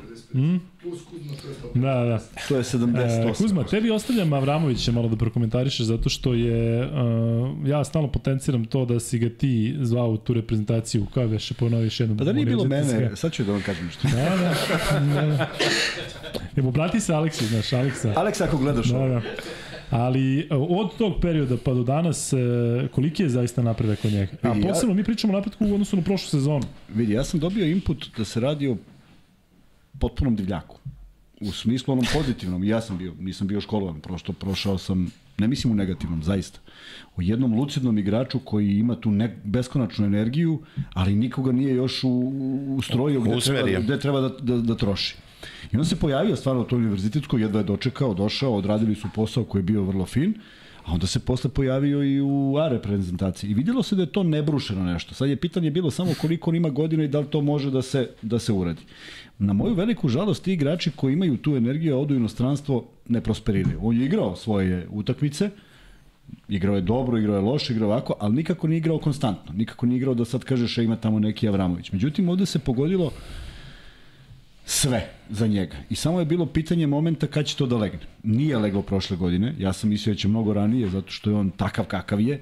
I evo, Mićo, ti mi reci, naravno i, i ti Marko, koliko je njegova komunikacija s publikom i odlačenje pažnje drugačija unazad četiri meseca nego prošle godine i uopšte sve ono gde on stalno tražio, verovatno se on time hranio, ali sada kad odigra, on postigne koš, okrene se i trči unazad i tačno znaš šta radi u odbrani. U napadu vrlo konkretne stvari, bez, sa izgubljenim loptama koje su kod njega, ne možemo da pričamo o tome da je to neka nenormalnost, prosto kod njega je, pa je logično da najviše gubi, ali je fokus potpuno drugačiji. On je sad fokusiran na igru, on više nema e, koketiranja sa publikom, on više nema podizanja navijača, već sve to funkcioniše kako treba. I on se potpuno posvetio tome da čuje šta se od njega traži. Gledamo i mnogo drugačije reakcije Obradovića koje su bile hit na onim Da. društvenim mrežama, tako da je on napokon I, I divno je što je u tom momentu, moglo da bude i kasnije, šteta što nije ranije, ali mislim da ovo njemu može da znači mnogo u jednoj a, a, ostvarivanju što boljih rezultata u karijeri. Da li Partizan, da li neko drugo mesto, ali sad je on drugačiji igrač nego kad je došao. Ne, apsolutno, da. Pritom, rekao bih, prošla sezona, on je kraj sezone bio jedan od najboljih igrača uz Lesora. Jeste. I finala, čitavna finalna serija protiv Crvene On zvezde. taj, tako. I on je, on je već se digao, da kažem, posle Burse i ono fina- finale kupu u Nišu gde je, tako, gde je Zvezda deklasirala Partizan, pa je ona ispadanje od Burse, jel tako, što smo svi doživeli onako tra, šokantno, da. tragično i to. On se digao i on je, i naravno pamtimo ono odmah nakon kupa, jel tako, ona njegova meč života, jel tako, verovatno protiv Crvene zvezde kada je, on, kada je dao u drugom poluvremenu je dao 32 poena ili 31. Tako da ovaj on je odigrao i druge, međutim do, uh, imao je povredu, jel tako, na početku pripreme je i toga je i, i trebalo mu je vremena. Nije on nije odmah kad je ušao, evo, mi smo, ja sam baš spomenuo tu utakmicu u Istanbulu. Prva utakmica njegova je bila u Istanbulu u Euroligi protiv Fenerbahče i to da je on kad je ušao u tih zadnjih pet minuta s- u- uneo neku Svašta sigurnost. Iako je desilo, to da. delovalo nerealno da on posle tolike Jeste. pauze uđe, čak sam se pribojavio tih slobodnih bacanja koje su koje je on dao recimo 6 od 7 ili tako, imao skok u napad, imao koš i faul u trenutku kada Fenerbahče ide na plus 8 ili 6. Tako da ovaj ove zadnje utakmice i on je igrač isto igrač u seriji. Evo sad smo videli tako u seriji od 12 poena u Monaku za red.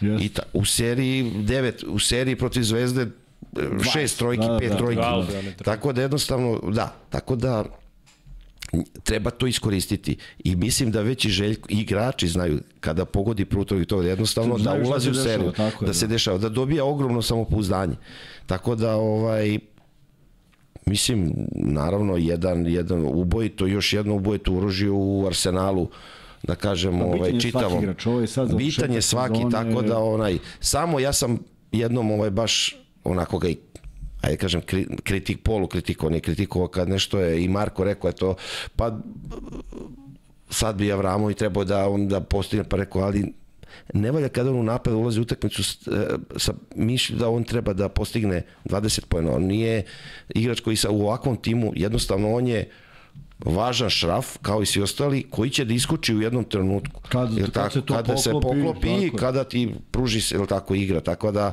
ali kad se optereti i kad tačno ja sam onako prepoznajem trenutak kada se on opteri, kada želi da se Više poenima, može, e tako onda je, ulazi u seriju. I tačno već ga i Željko zna. Znači kad ulazi isto tako u seriji dobrih stvari, Prepozna moment. prepozna moment kada se ulazi u seriju grešaka i to onda mora da dođe ovaj, do izmena. Aleksa, sa Aleksom na parketu Partizan ima ovaj, najčešće najveći plus minus. A, Protiv, e, izvini, e, kad je Olimpijako. Olimpijakos Tad, tad ga je i... je imao možda dva poena ili četiri poena.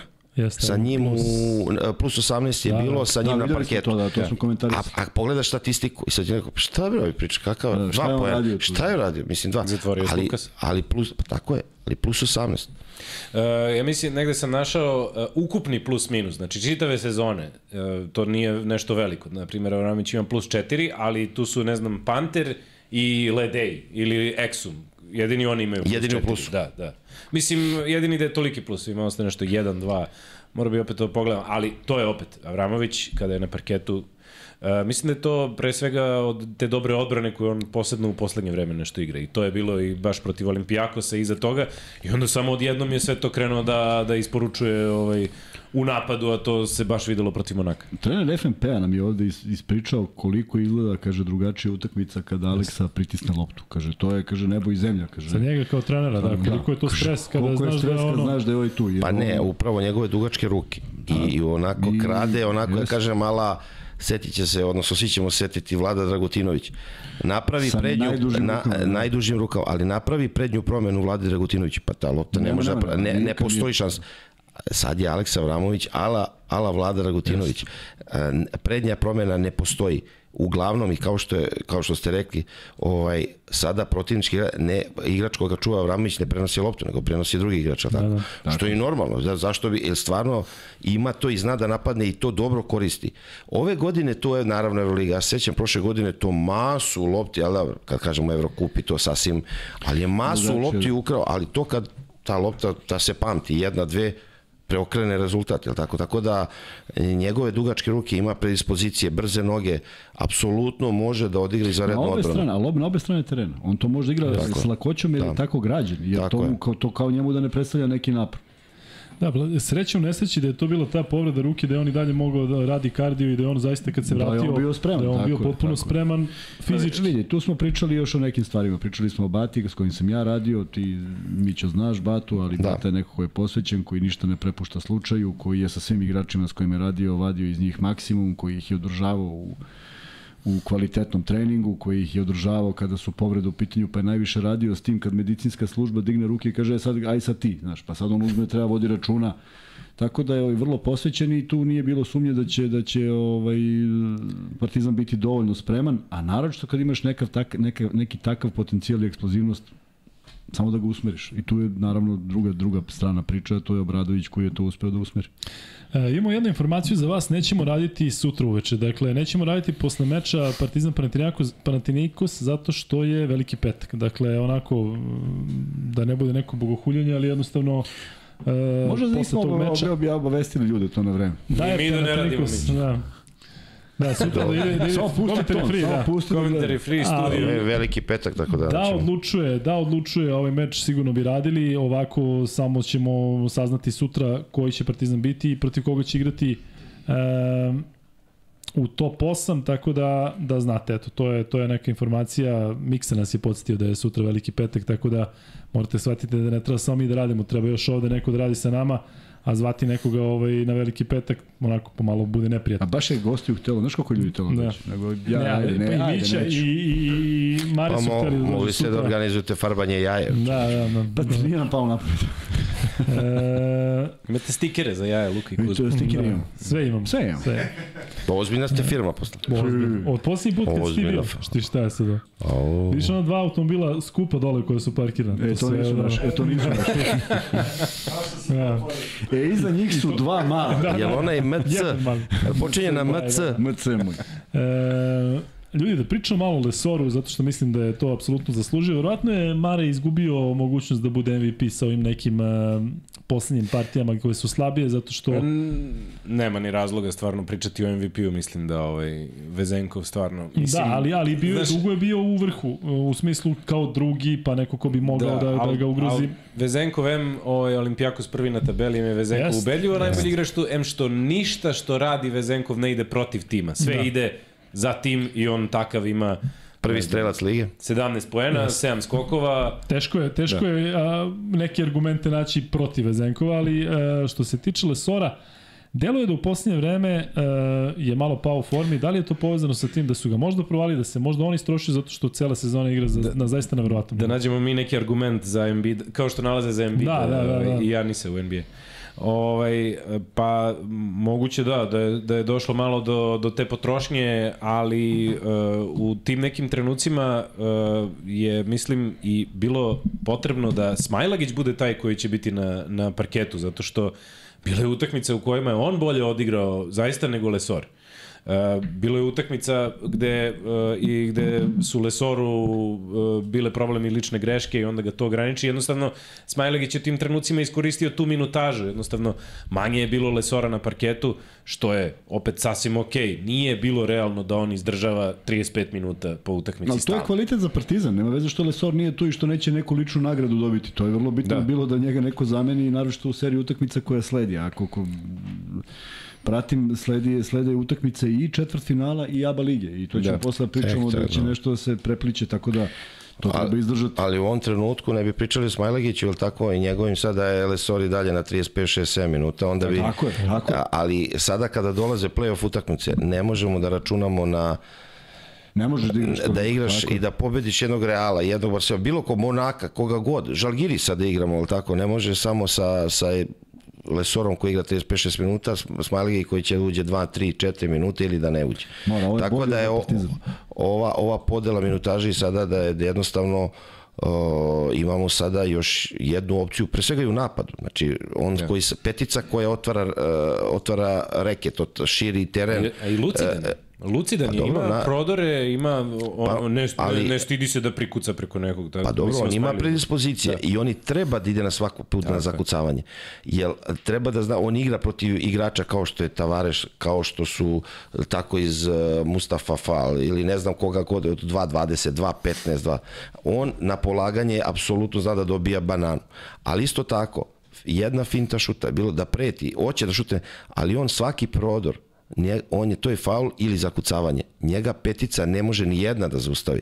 Tako da to je jedna, naravno, imaš problema u odbrani i to videli smo, ali tako bilo je, ali on to, on nekako to rešava.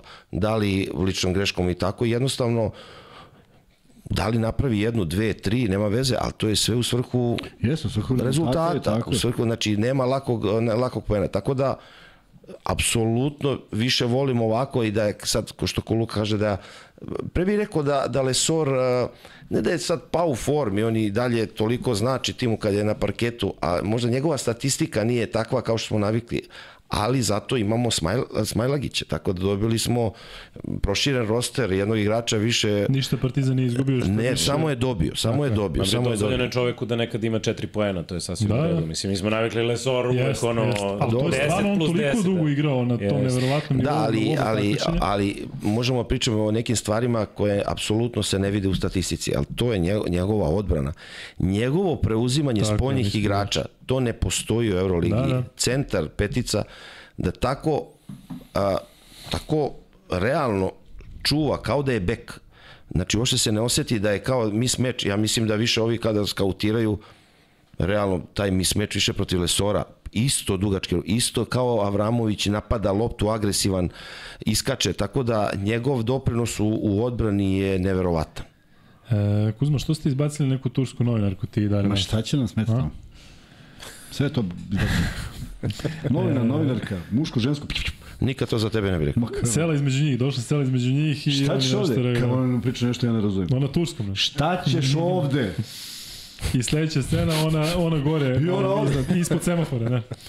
E, Mićio, da li bi bilo mesta za Balšu da nije imao ovaj period e, četiri meseca ili već koliko taj problem sa monoklozom, da li bi ga video negde sa nekom ulogom u da, samome, u pa, tom tandemu Smiley, Smiley sa. Mislim da imao bi određene minute. Sad, da li je to minut, 30 sekundi, 50 sekundi, 2 minuta, 4 minuta, ali jednostavno njegu, da uđe napravi faul. Znači, evo, imali smo te Gorostas, imamo, recimo, evo, dolazi utakmica protiv Real Madrida, imaćemo jednog tavariša, imamo izmenu, je tako, jednog niskog ovaj, e, Francuza. Sam mi stade mozak. Jusufa Fal. Ne, ne, iz Real Madrida, ovaj Francuz, centar, Poirier. Poirier.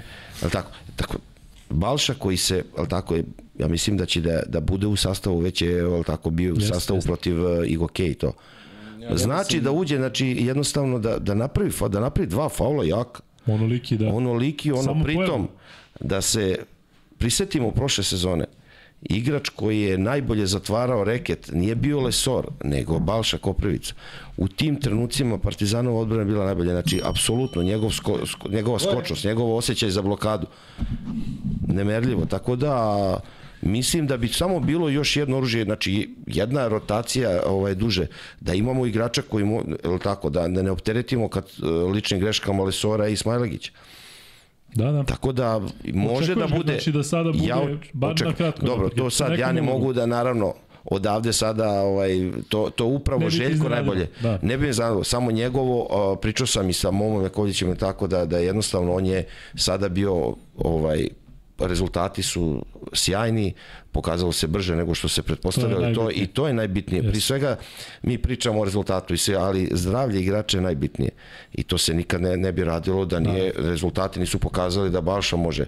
Tako da ja ne očekujem, ja bih voleo da bude da bude igrač, nema veze, 50 sekundi Da, od da. mene, da jednostavno da uđe da pritom on je ogroman, skočan, atleta. Tako da upravo protiv Reala nam takav jedan igrač nedostaje, u, da kažem, u, u rosteru.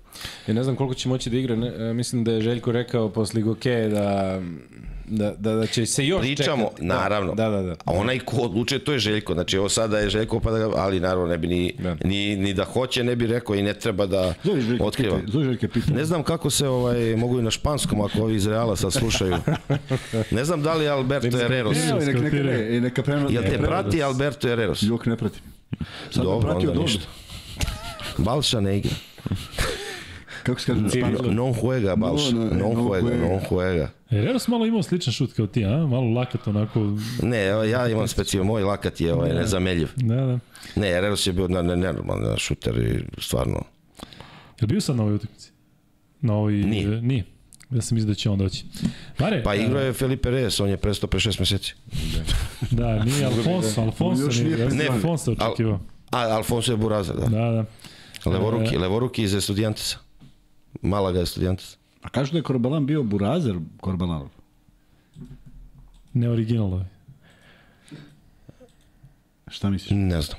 Pa neko mi reče da nije bio taj naš, onaj kojeg mi znamo. E, Zori, kad si već...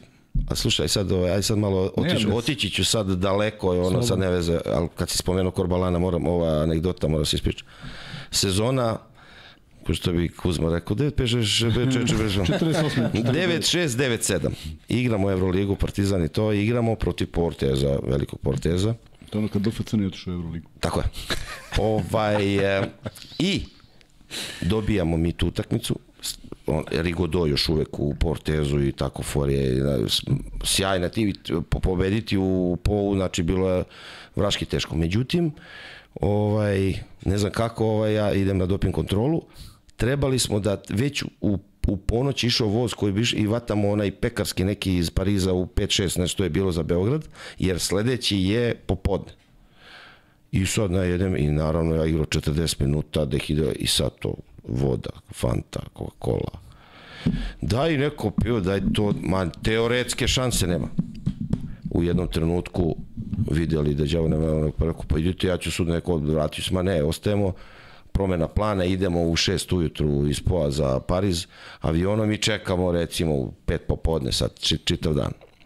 I sad ja tu sedim, doktor pored mene, pričamo tako i ono jedno kaže, pa ja sam, kaže, igrao košarku nekad. A stvarno, rekao, Re, recimo, gde ste igrali? Pa kaže, igrao u Real Madrid.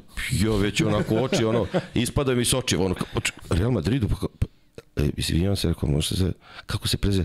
Ma kaže, Korbalan, Korbalan, ja bez nogu i ono sam, nisam pao, ono, u tom trenutku sam mogao da idem odmah, ovaj, Odmah u to, da, odmah sam došao. Kako joj, izvinjavam se, ja vas nisam prepoznao, vi ste le... Ma ne, nemoj, ba, šta Ne, ti je, da, bre, da, da, da. opušteno, kao, ma Ja ka... sam, ja sam mislio da je Burazer. Čoveče, Korbalan mi je bio na do, doktor doping kontroli, ono ja kao klinac, znaš, ono, tapkaš ono španci, tako, Korbalan i ekipa. Ja počnem se izvinjavam čovjeku, izvinjavam se, nisam stvarno, Što vas ma kaže poznao. da, što vas nisam poznao. On kaže, ba igrao ja, kao onako, znaš, igrao u Real Madridu. Kao, izvinjavam se, Uzgred. Korbalan. A u sunce. Da. Radi dobro. Naravno, ovaj, za voz nije ni po, ono, otišli smo uvijek.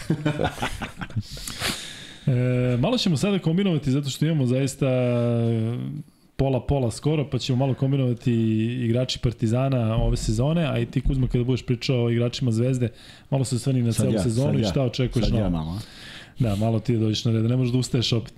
E, ali e, ja sam tokom cele sezone e, pričao da je Zek Ledej verovatno i najbitniji igrač Partizana i pokazalo se u nekim bitnim momentima koliko je zaista važan.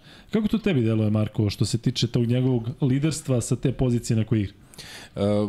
Malo je nezgodno što uh, kad pogledaš ovako roster Partizana nema, nema tu baš zamene za Ledeja. To nekad bude Papa Petru, ali on je ta, ta klasična četvorka. Da. I onda znaš da Ledej mora da, da, da odigra sve sve minute. Meni, uh, i, i ja sam slušao što ti pričaš o njemu i kako, kako se on ponaša i kakvog je, kakvog je stava. Uh, uh, imam neki osjećaj da Ledej ima ovako neke zacrtane svoje stvari koje prati u životu, znači uh, onaj ranac, ona sveska, uh, da, da je onako jako, ne znam da li pedantan, ali da, da neke stvari u životu ono gleda, uh, da, da one moraju da budu tako, pod konac i da tako njemu odgovara i da će tada onda dati... Možda da, malo dati- suje veran sa onom torbicom, da kažem, a? Ima neku svoju... Ima i neko sujeveri da... Sujever je da- to, da, pipre malo to, pa to onako radi, pipre loptu, to uvek radi, ali jednostavno ranac ide, ranac ide na klupu. Ja sam ga pitao jednom ovaj, šta je u rancu, kolo. kao tu su neke stvari koje mi pomažu da se fokusiram, verovatno neka Biblija ili nešto, ali mislim ono, to je, to je sve, sve okej. Okay. Pa šta je bilo u Sport Bili torbi?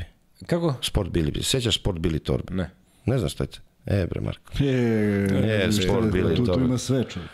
Pitaj Kuzma. Mo, može i za skok s motkom i motka izađeš. to je bila sport bili to. Au, Marko, neću to da radim Da sutra. gledaš Ko- sledeće, da ko sve gledaš komentariše na Kucaj, sport? kucaj na Google, sport bili Ko torba. sve radi na sport klubu? sledeće. O, ne znam sport bili. komentar. Da, Ovaj, e, ali od Ledeja uvek dob, dobije Partizan, na primjer, e, pomenuo je Miće taj meč sa Fenerbahčan, to su bili strašno bitni koševi, to, ja mislim da je Partizan tad gubio i da je on dao dva puta preko Bukera ono njegovo. Sa minus četiri na- na nula. I ova sada sigurnost i, i smirenost na slobodnim bacanjima, gde uh, Ledeja šalju da šutira za tehničku, pored živog Pantera, Da, recimo.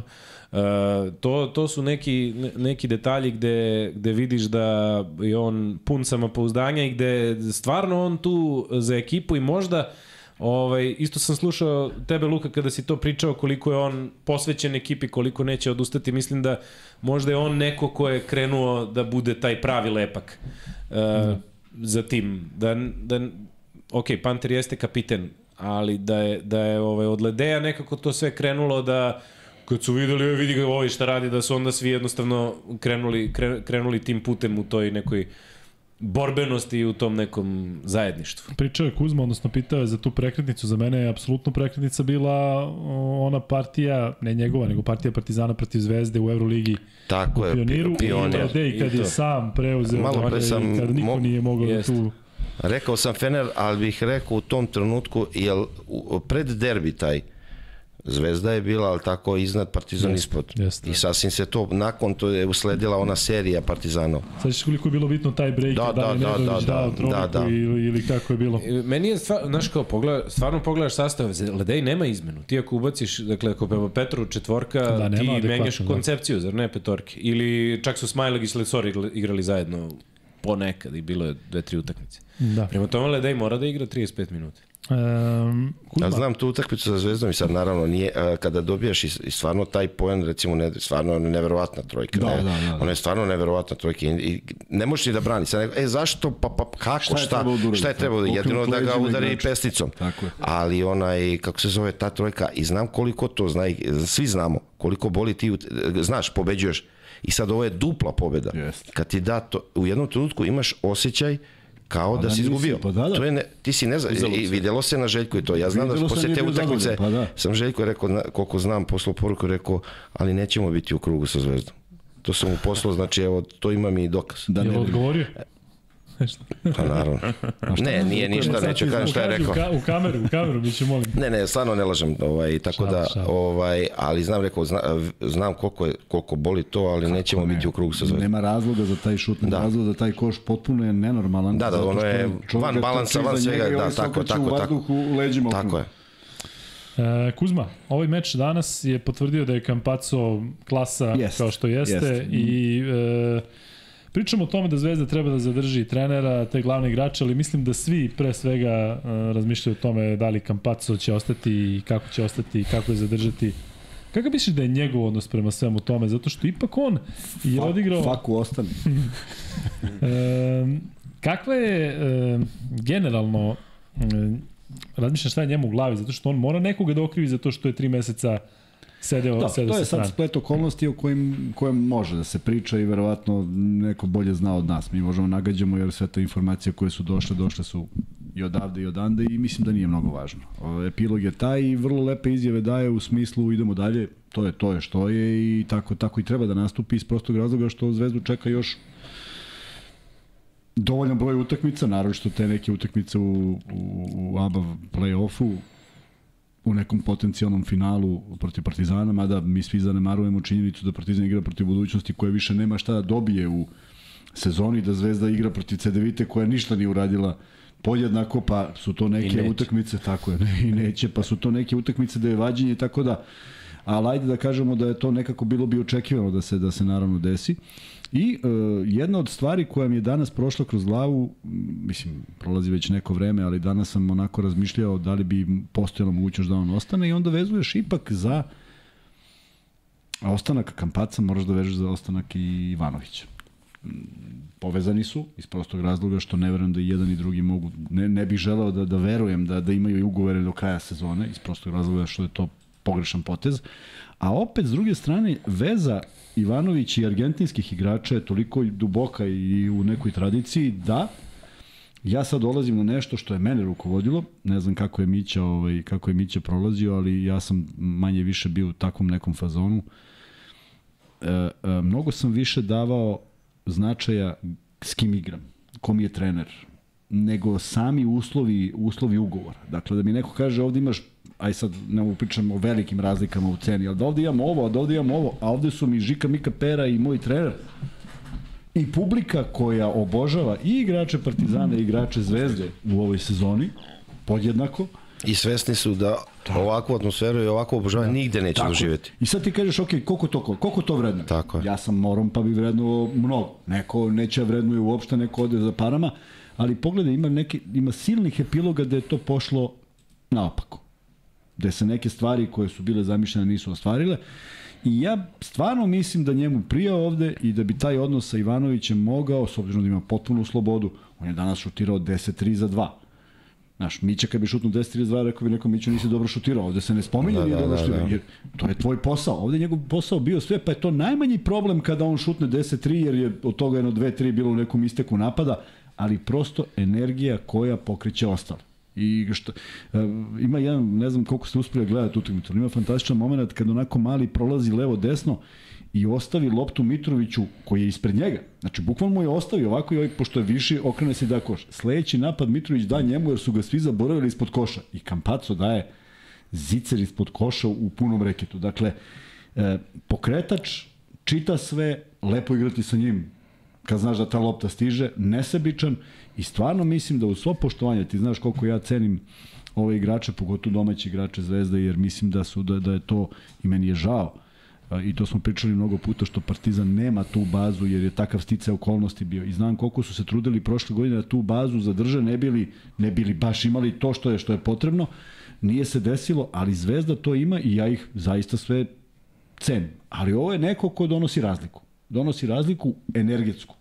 Da li će to bude savršena utakmica? Neće. Ali da li će uraditi sve ono što treba i više od toga što može, tako mi deluje. Za razliku od Vildose koji ovaj koji je majstor danas nekih četiri, dva, dva, dva šuta, fade away šuta, toliko teških, toliko lepih za oko, ali onda dve, tri izgubljene lopte koje nemaju mnogo smisla i shvatiš da nema tu, da, da mora postoji ta doza ozbiljnosti. Ali ajde da prođemo posle igrače sve, nego mi je Kampaco stvarno neko ko mi je a, ako mi je ako mi je meni ovde, meni ja mislim da je Panter jedan od najboljih napadača što se Partizana tiče i možda u, u, Evroligi.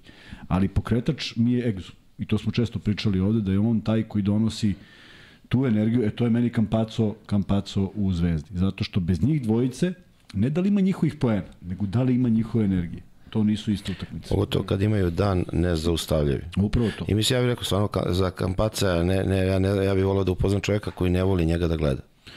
I, I mislim, ovaj sport da, se igra tako je, zbog publike, tako tako, zbog tako, gledanosti. Ne tako gleda se zbog toga da li će ovaj da ubaci nogom, rukom, ali ta lakoća igranja, uh, on je, ja kažem, showman, ali u svrhu rezultata. Znači, to nije Harlem Globetrotters, nema, idemo, idemo levo, desno, Daj, da li da bacamo levo, to.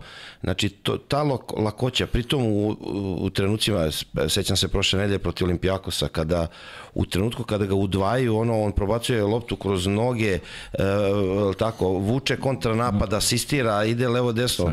Ta energija koju, koju, koju donosi i unosi na parket je stvarno zarazna. I to je ono upravo, ja kažem, i šta znači playmaker. Sad znamo ko, i on kreće i odbrana od njega. Ja isto kažem, odbrana uvek kreće agresivnost od playmakera. Kada recimo, sad pričam Partizan, kada Madar, kada Vramo istisnu, kada idu pressing oči, pa naravno da vuče sva Tako ekipa, oni te tako vuku napred. Sva, svaki igrač priđe po metar svom igraču više. Tako da, ali e, Kampacu, slažem se, Exum isto, znači, možda i otkrovenje, ja bih rekao, ovaj, stvarno, ovaj, i nezasluženo, možda ispod radara, ne, ispod, nije ispod radara, ali i dalje se pitam, hvala Bogu da ga se Barcelona odrekla i kako je to moguće, moguće, da. hvala im. Da. Što su ta, se odrekli Da, da, takvog da, da, igrača. da, da, apsolutno. Tako da, ovaj, ali recimo sad pričao si kompaciju, moram nastavim, stvarno, ja uživam da ga gledam i stvarno, Jel tako, nema puno igrača da ti jednostavno uživaš Ja- ono i ka, čak je lepo i kad promaši i kad pogreši. Upravo to, upravo e to je to je ono što ovaj stvarno i ima tu zaraznu zaraznu energiju. Ja mislim da će biti značajno ne samo da li je tu Duško sledeće sezone što se njega tiče, nego kakav, da ima neke garancije kakav će se tim stvoriti, To- jer, to- to bih jer izgledao. e, e, kako se zove onaj Adams što je iz Australije došao. Verujem da će Adams. reći, reći super Pa igrač. dobro, mislim da je opcija broj 1 sa njegova, on želi, da. on želi da igra za to, on želi da igra za play želi da igra Da, bitnu ulogu. upravo, da. Nije igrač takav koji će zbog ugovora i visine šta da bude, jel tako, zadovoljan da bude, ne znam, nija. 9. 10. 15. 14. on jednostavno hoće da bude u timu je, koji tako je je. konkurentan. Ja ne bih ja ne bih nikad stavljao igrača da odlučuju o bilo čemu i da se pitaju za bilo šta pošto Ne, ne, slažem se, posao, ne, ne. Tako je. Ne mislim Ali ti ćeš da- e, ti reci- Ali da dobije garancije da će to biti jedan Tako je. tim koji će se boriti apsolutno da, to mora da bude i zato što onda onda bez razloga za- za- zadržavaš njega. On mora da igra sa igračima koji prepoznaju to. Ne može da igra sa nekim igračima. On treba da igra igračima koji to znaju da čitaju. Pogledaj samo vrati film ovih 4-5 utakmica, možda ne večeras, ali 4 utakmice kako se Martin snalazi za razliku od cele sezone. Jer on je jedini koji hvata sve te lopte koje on negde ostavi. I tu si dobio jednog igrača. Znači, nekome legne, nekome ne legne, ali to su neke stvari, neke finese da se oni možda prepoznaju na treningu, ali daje ti tu snagu na trenu. Tako da, ovaj, zaista bih volio da ga gledamo, jer nemamo mnogo prilike da gledamo takve igrače često. Gledamo ih kad neka ekipa dođe, ali ovo što je Partizan napravio, što je Zvezda napravila ove sezone, uz čast nekih koje možemo nabrojiti. Meni je Mekele bio Da, da. Meni je Williams u Ok. Zvezdi playmaker u prvu sezonu bio. Ali to su bili i po jedan. A ovde mi nekako deluje da su ovi doneli još nešto novo i da su napravile ekipe koje stvarno mogu da ajde vratimo samo film i da sad stalno mi lamentiram nad sudbinom, ali e, dva poraza Partizana ga dele od Final Fora, od e, prva četiri mesta. Dve, dva poraza Zvezde koji nisu bili, morali da se dese, odvajaju Zvezdu od top 8. To su već uspesi koje, a imali su igrače. Pa upravo to, znači Zvezda sa dve pobede u top 8, Partizan sa te dve pobede, Vitorija, Baskonija, Vilerban, ima prednost domaćeg terena. Da, da. Ma da. I sada ti da ka, prednost za što je najveća To prednost. Pa Zamisli to. I sad, o čemu pri... A pritom, to ništa nije nešto što što je bilo nemoguće. Znači, to su dobijene utakmice. Tako je. E, Miću pominjao je Kuzma Egzuma, on je zaista sve nas oduševio. I da li je on recimo igrač kome, koga bi ti voleo da vidiš sa loptom, možda i pre Pantera kada se odlučuje? Da li je ne njegov prodor nešto što je najsigurnije u ovom trenutku uh, kod Partizana, taj šut Pantera i ono Ledejevo kada igra leđima, ali to su nekako da kažem uh, zaštitni dakle i Partizana. Zavisi kako, koji je rezultat, ko šta se Da. traži, dva poena, tri poena, da li je, ali uh, u, kada je razigran i kada je u elementu i kada je uneo tu energiju, uglavnom unosi, uh, kada krene u prodor, kada krene na dvokorak, jednostavno dugačak skočan, a može da bude ili njegovo polaganje, zakucavanje ili faul. Znači, apsolutno je nezaustavljiv u tim trenutima. Ili da, kažem, promaši zicar. Ali jednostavno, on, on stvarno je, de- deluje da, svi znaju da ide u desno i on ide u desno. I on ode u desno, dugačke ruke, ima dugačak korak i tako. Ovaj, e, nema, e, ne vodi nisko loptu, ne vodi sad sve to što mi pričamo o playmaker i dalje, mislim da on nije originalni, ne, ali Da, jednostavno se uklopio i on igra ono što, ne, ja, ne To se kažem, njega traži, na tako. početku sezone mi neko rekao ovako, ja bih rekao imat ćemo ozbiljnijih problema. Međutim, ispostavilo se da sa njim možemo i, ali sad ti kažeš da li Panter, nekada pomislim da Panter ono kad naskoči na 4-5 metara ne može da, da, da, ne promaši. nikada da promaši. Ali isto tako, sada napravimo jednu analizu, Panter e, apsolutno maši šuteve kad je kon, kompletno sam. Jeste, da. On ima ispod 50, ma kakvi pe, ali svaki put, da li je to kao niša na, na snajperu, kad mu neko podigne ruku, ono da mu usmeri. Bolje vidi. Ne, ali to su, ne, evo, kao što si ti rekao sad, rebračati, što dobro, ne verujem kada bi mu rebračaš ovaj, skočio da bi pogodio, ali to su pod takvim lukom, ili tako, ta, ono, Jeste. to mogu sada na, ono, da se setim, samo u zadnjih nekoliko utakmica, koje su to šutevi, evo sad ovaj zadnja u Monaku, presudna trojka, isto na ruci mu je bio odbranbeni igrač on je to, ali to je nevjerojatno, to njegovo ono ima, to su sad, kao što je rekao, stotine, hiljade pokušaja, ali tako, koje svako to zamišlja se, ono da, ali on to jednostavno Vežba, ciljano vežba, vežba radi i sam to je i rekao, tako, ko, koje su to, koji je to broj. Tako da, Luka, šta bi ti rekao? Ne, znači, ne bi mogo kažem ovaj ili onaj, ali zavisnosti od trenutka, da li ako ti možda i za produžetak dva poena, tako, i Exum dobro šutira slobodno bacanja. Tako da, pr, ali prvi put recimo da sam primetio, vezao je dve utakmice onako, baš ono, bez, bez pečata, ono, baš je bio, to je Monako i u, sad protiv uh, Igokeja. Onako, da nije igrao. Ne, kao da ni da, i jednostavno nije, ali dobro, Znači jednostavno mi smo, mi smo po, ali mi, pobed, mi smo pobedili. Da, da, i zato to se je to je ta to, i da. naravno tako da se nema nema apsolutno ovaj Što kaže Mare, kada Le- Lesor da 4 poena, Partizan pobedi Real ili koga, mislim, šta imaš da Mi pričaš? smo ovde, Mića, pričali često o tome ovaj, kako je divno da, da Panter shvati da ne mora onda daje poene da bi, da bi Partizan pobedio. I onog momenta kad je on je to prezupčio da ne mora bude najefikasniji, onda su to neke stvari lepe. Sad ću da napravim poređenje sa 2010. Partizan je 2010. uvek imao problem kada je Aleks Marić odlazio na klupu, ulazio Slavko Vranješ do određenog trenutka. Ali onda drugi deo sezone, kada rezultat apsolutno ne da nije padao, nego sa kada uđe Slavko Vranješ, čak i napadački je na, navežbao Naučio, polu da. horog, da, bacanje, ono, od tog trenutka Partizan je od- i otišao do Final Fora. Znači, na, isto tako, e, kada, je, kada smo shvatili, kada smo mi masu utakmica dobili da je Panter apsolutno nije bio ni u pet najboljih igrača, ni u četiri, mi smo dobijali mnogo mečeva. Jeste. To smo Marko i ja masu puta i, u stu, i pre studije govorili da nema, sada je to je to je prednost sada, to je najveća prednost Partizana odnosu na prošlu sezonu.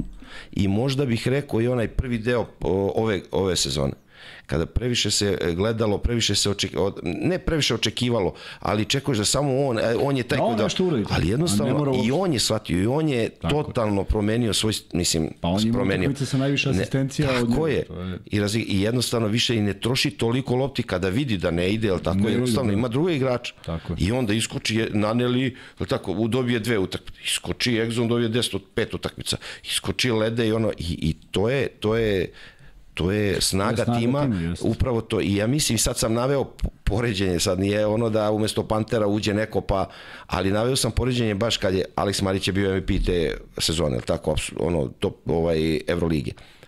Ali uvek je bio postojao problem kada Slavko, o, o, tako dok još ne, i kad je on ušao u totalno i u, u sistem Duletovo, stvari, naučio je, pritom i sad Dule naučio taj polu horu, i on je u, napadu, nije bio samo igrač koji pravi blok. Partizan je, kada, je, znači, kada pad, rezultat više nije padao, tada i, ovaj, Dobili su, pa naravno, dobili, tako da. Hvala Bogu. Imate svi brojne pozdrave, mi ću te Od koga? pozdravi iz Monumenta. Znaš, Opa, to, je to, monument. to se zna ko Pa je. da, to je moj, moj lokal, da kažem, Oni u Admirala ili- Admirala, od Admirala. Kod Pa Gaja, dobro, tako? pa Gaja, da. Tako da, ovaj, Miša, Miša Đorđević. A radi Miša Đorđević, da, da. Znam Pa da- dobro, me, monument je moj lokal od, od početka, tako da ovaj, tu su, ovaj, da kažem, ono, mo, mo, mogu da kažem kao domaći. E, Seća da je Miša stavio neke 2000 i koja je da je stavio koš, pa se jedno vreme šutilo ispred. Pa rekao ko može da mi da me pobedi. Ne sećaš se toga? Jo, sad, ne, recimo, sad toga se ne sjećam. E, Ja sam zakucao, pa sam ga Nekoliko ovaj, meseci bilo. Bio sam u inostranstvu. Da, da, nisi bio tu. E, evo ga, 500 like se bliži, evo ga, 500 Ajde. like. E, prvi free bet će biti, dakle, kada već pričamo o Dante u Exumu, ko je, imao je Marko ove sezone dosta tih specifičnih komentara koji su ostali urezani i koje ljudi ponavljaju i, i koje gotive, ali ko je ušao u Danteov krug pakla? Pa može, to ne može se nađe na internetu. Tako? Pa može, odeš na YouTube pa Ba, pogledaš. dok ode, Ali dok odeš, da. dok ovo, ima spremnu Wikipediju, pa ovo ne Da, možeš, da, da. na Dante Exumovoj stranici ne možeš to da vidiš. Kako je to bilo lako, re, mislim, ono, nametalo se samo po sebi. Jest, ovaj, Olim, olim, zakucavanje Olimpijakos. Da. Da, da, Ne, već, već ali- dobro. E, Leo Armando je odgovorio Bolon Boy, tako da Leo Armando šalješ e, na lukekuzma.gmail.com sa. Sad bilo je tako fenomenalnih, ali zakucavanje, ja ne znam čitave Eurolige, da li sam vidio bolje zakucavanje? Od toga, da. Da. Pa dobro, vratno nama ovaj ostaje. Možda ostaje u u- seć, da, možda nismo objektivni, ali... Ja se sećam, Miće se hvatu za glavu oko, pošto kod mene ima ovaj... Uh, Gde mi će kada monitor prenosi? Gde, mi će? pored. Pa ja, mu, pored. ja sam mu uzuo, ja mu šapućem. Ti sufler? Da, da. Ja sam mu rekao, Dante, pakao, pakao, Dante. To reci sad! Ovaj. Tako je nastala. Ali ovako, tako je ta hvatali smo se za glavu, svi, ono, ide tri, tri usporena snimka, razumeš? Ja mislim da i on sam se malo iznenadio šta je napravio. Ne, ne. Pritom, on nije previše, to je sa kapice, Kuzma. On je malo, to je, s kape on je išao, znači to nije sa 45 pa ti za, ideš sa strane i onako, nego on je kao pravo i samo se nekako, ne znam, okrenuo je ono, brno telo, ono zakucao, ono je, pritom to uživo, to je delovalo Danas sam radio Ne, Olimpijakos i ovaj... Ja kažem, to posle je ponovljeno i to delo, ali to uživo ti ne veruješ da je moguće zakucao ono iz, iz, takvog, iz tog ugla. Ja kažem da, a da, da mu, ono, da, da mu kuk ne ostane ovaj, tamo na tribini. Danas sam radio Olimpijakos i Bolomboj igra i ja, znaš, kao tužno ti. Zato što ga je tako, ovaj... Da, njegovo je sve tužno, on jadan sa svojom pričom i sudbinom i sve što se dešavalo u CSKA, ali ako neko skače dobro iz mesta, dakle to Da, je. Boy, zato to zakucavanje jeste jeste posebno.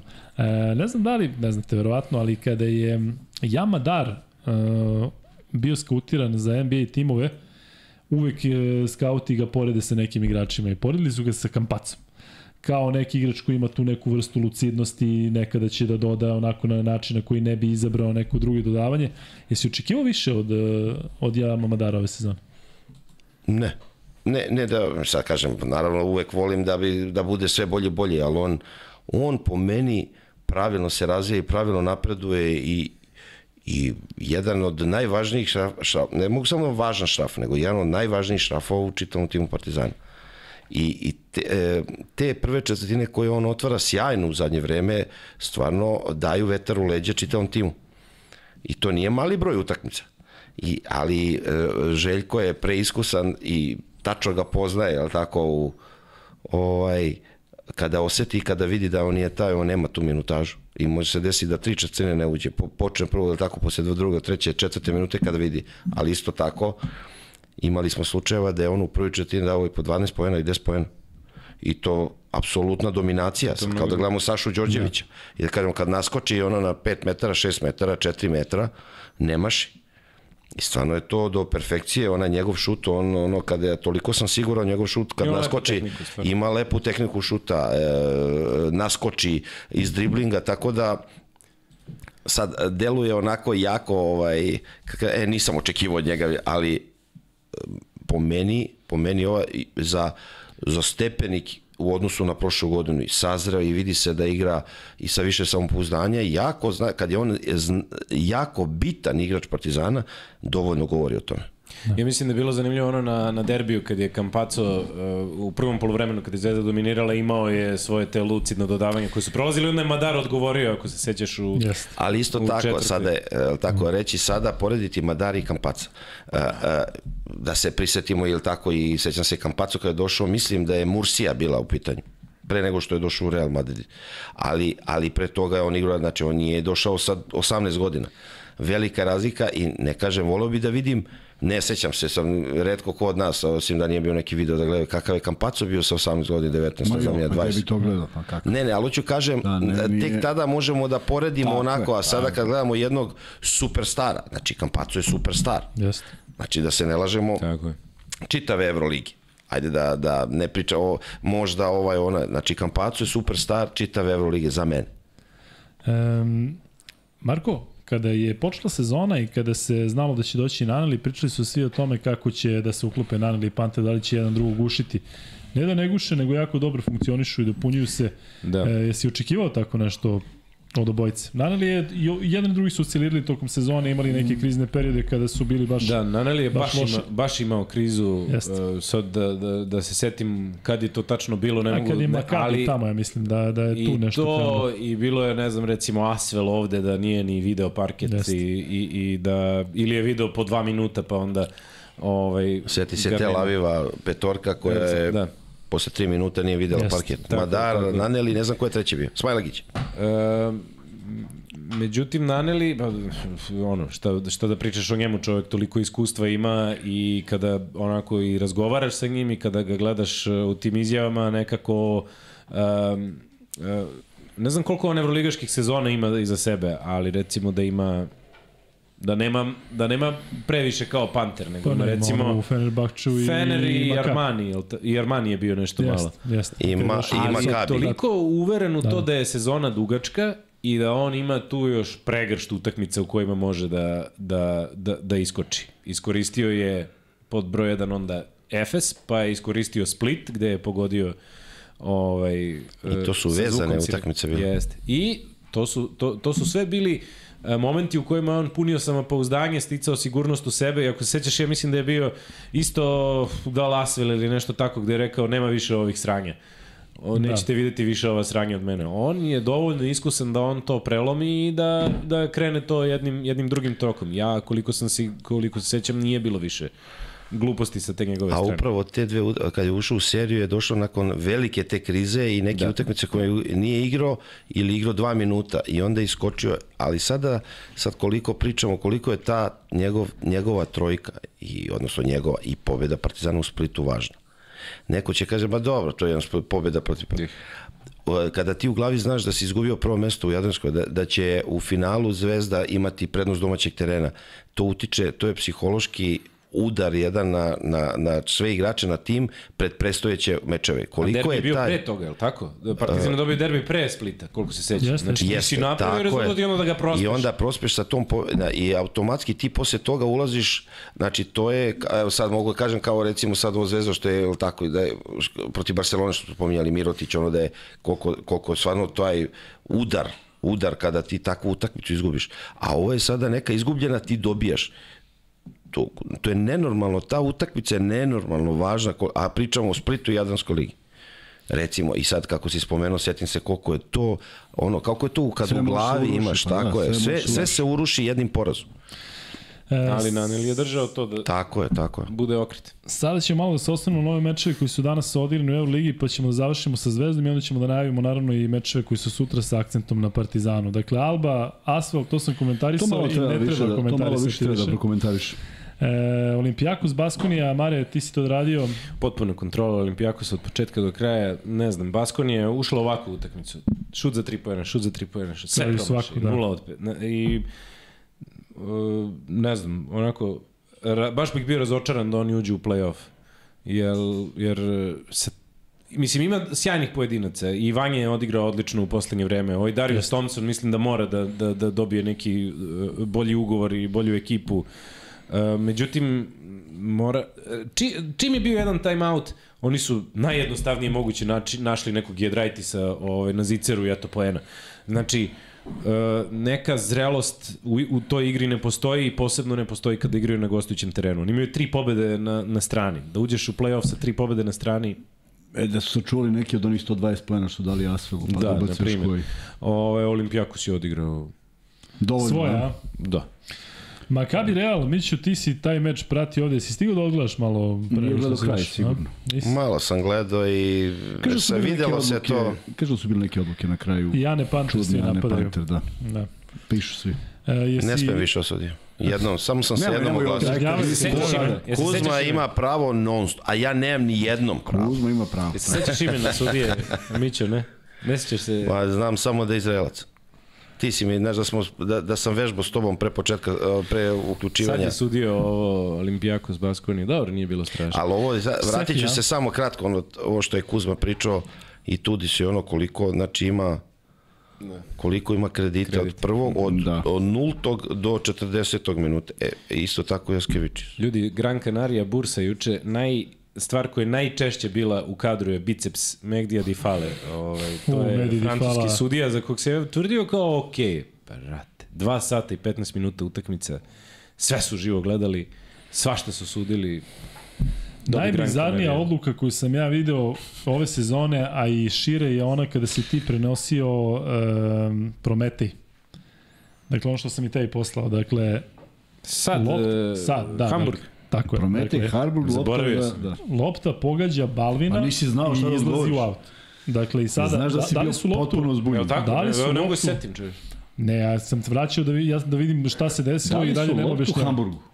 Da li su loptu uh, Prometeju i traži Prometej, challenge. tako da, je, Prometej. Prometeju je dao, da, dali su loptu i challenge je tražio uh, trener Hamburga. I od toliko očigledno lopta pogađa u nogu Balvina i izlazi u aut. Nema, nema, nema sumnje. Tako je. I znači lopta je za Hamburg.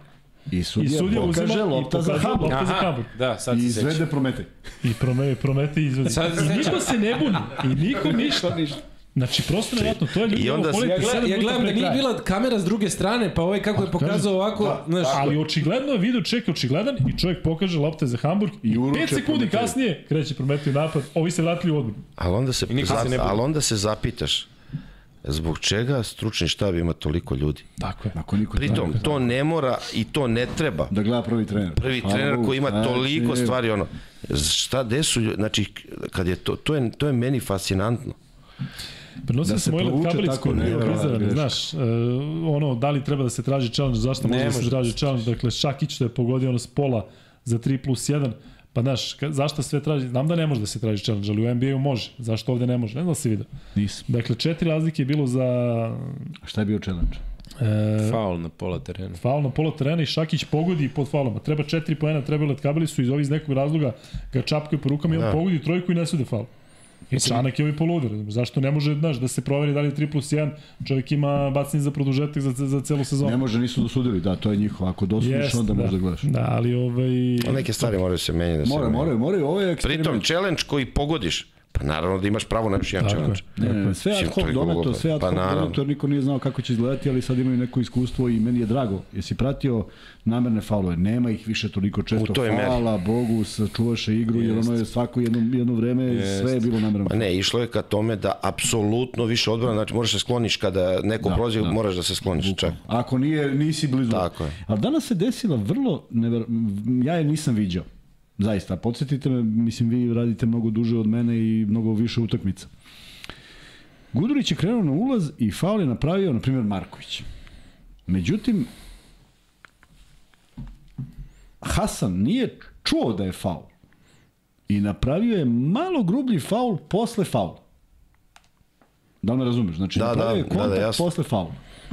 Koji je okrenuo Guduru? Bio je faul Markovića, bio je faul Martina i lopta sa strane.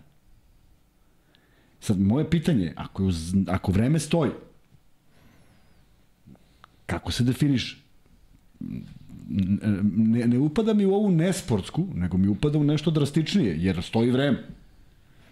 Dešavalo se. Da. Da znaš, dešavalo se ove Ovo sezone. je Dakle, srećna okolnost za Zvezdu, što je taj faul Markovića treći, to jest četvrti, pa nisu četiri slobodno bacanje lopte. Tako je.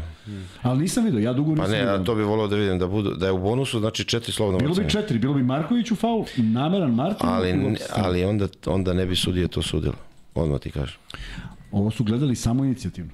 da uglavnom to isti igrač napravi običan faul, pa onda još neki Ne, ne, ne, ovo je bilo toga, bez... pa ovo. Sad razmišljam, Ovo, zamisli da. Gudura se odbije od Hasana i naleti na ovog, ovaj ga gurne, on se okrene ovako i Ti ne naleti na ovog. celu nogu, šta je stvarno? I sudija samo... Pazi, da smo pričali o zvezdi, sad bi bilo, znaš... da- može neko malo- samo sedne ovde, da Daj, počnemo. Daj. Evo Zvezdi. Dajte da pričamo o igračima Zvezde, da ne dobijemo Ajde, ove... da ove batine.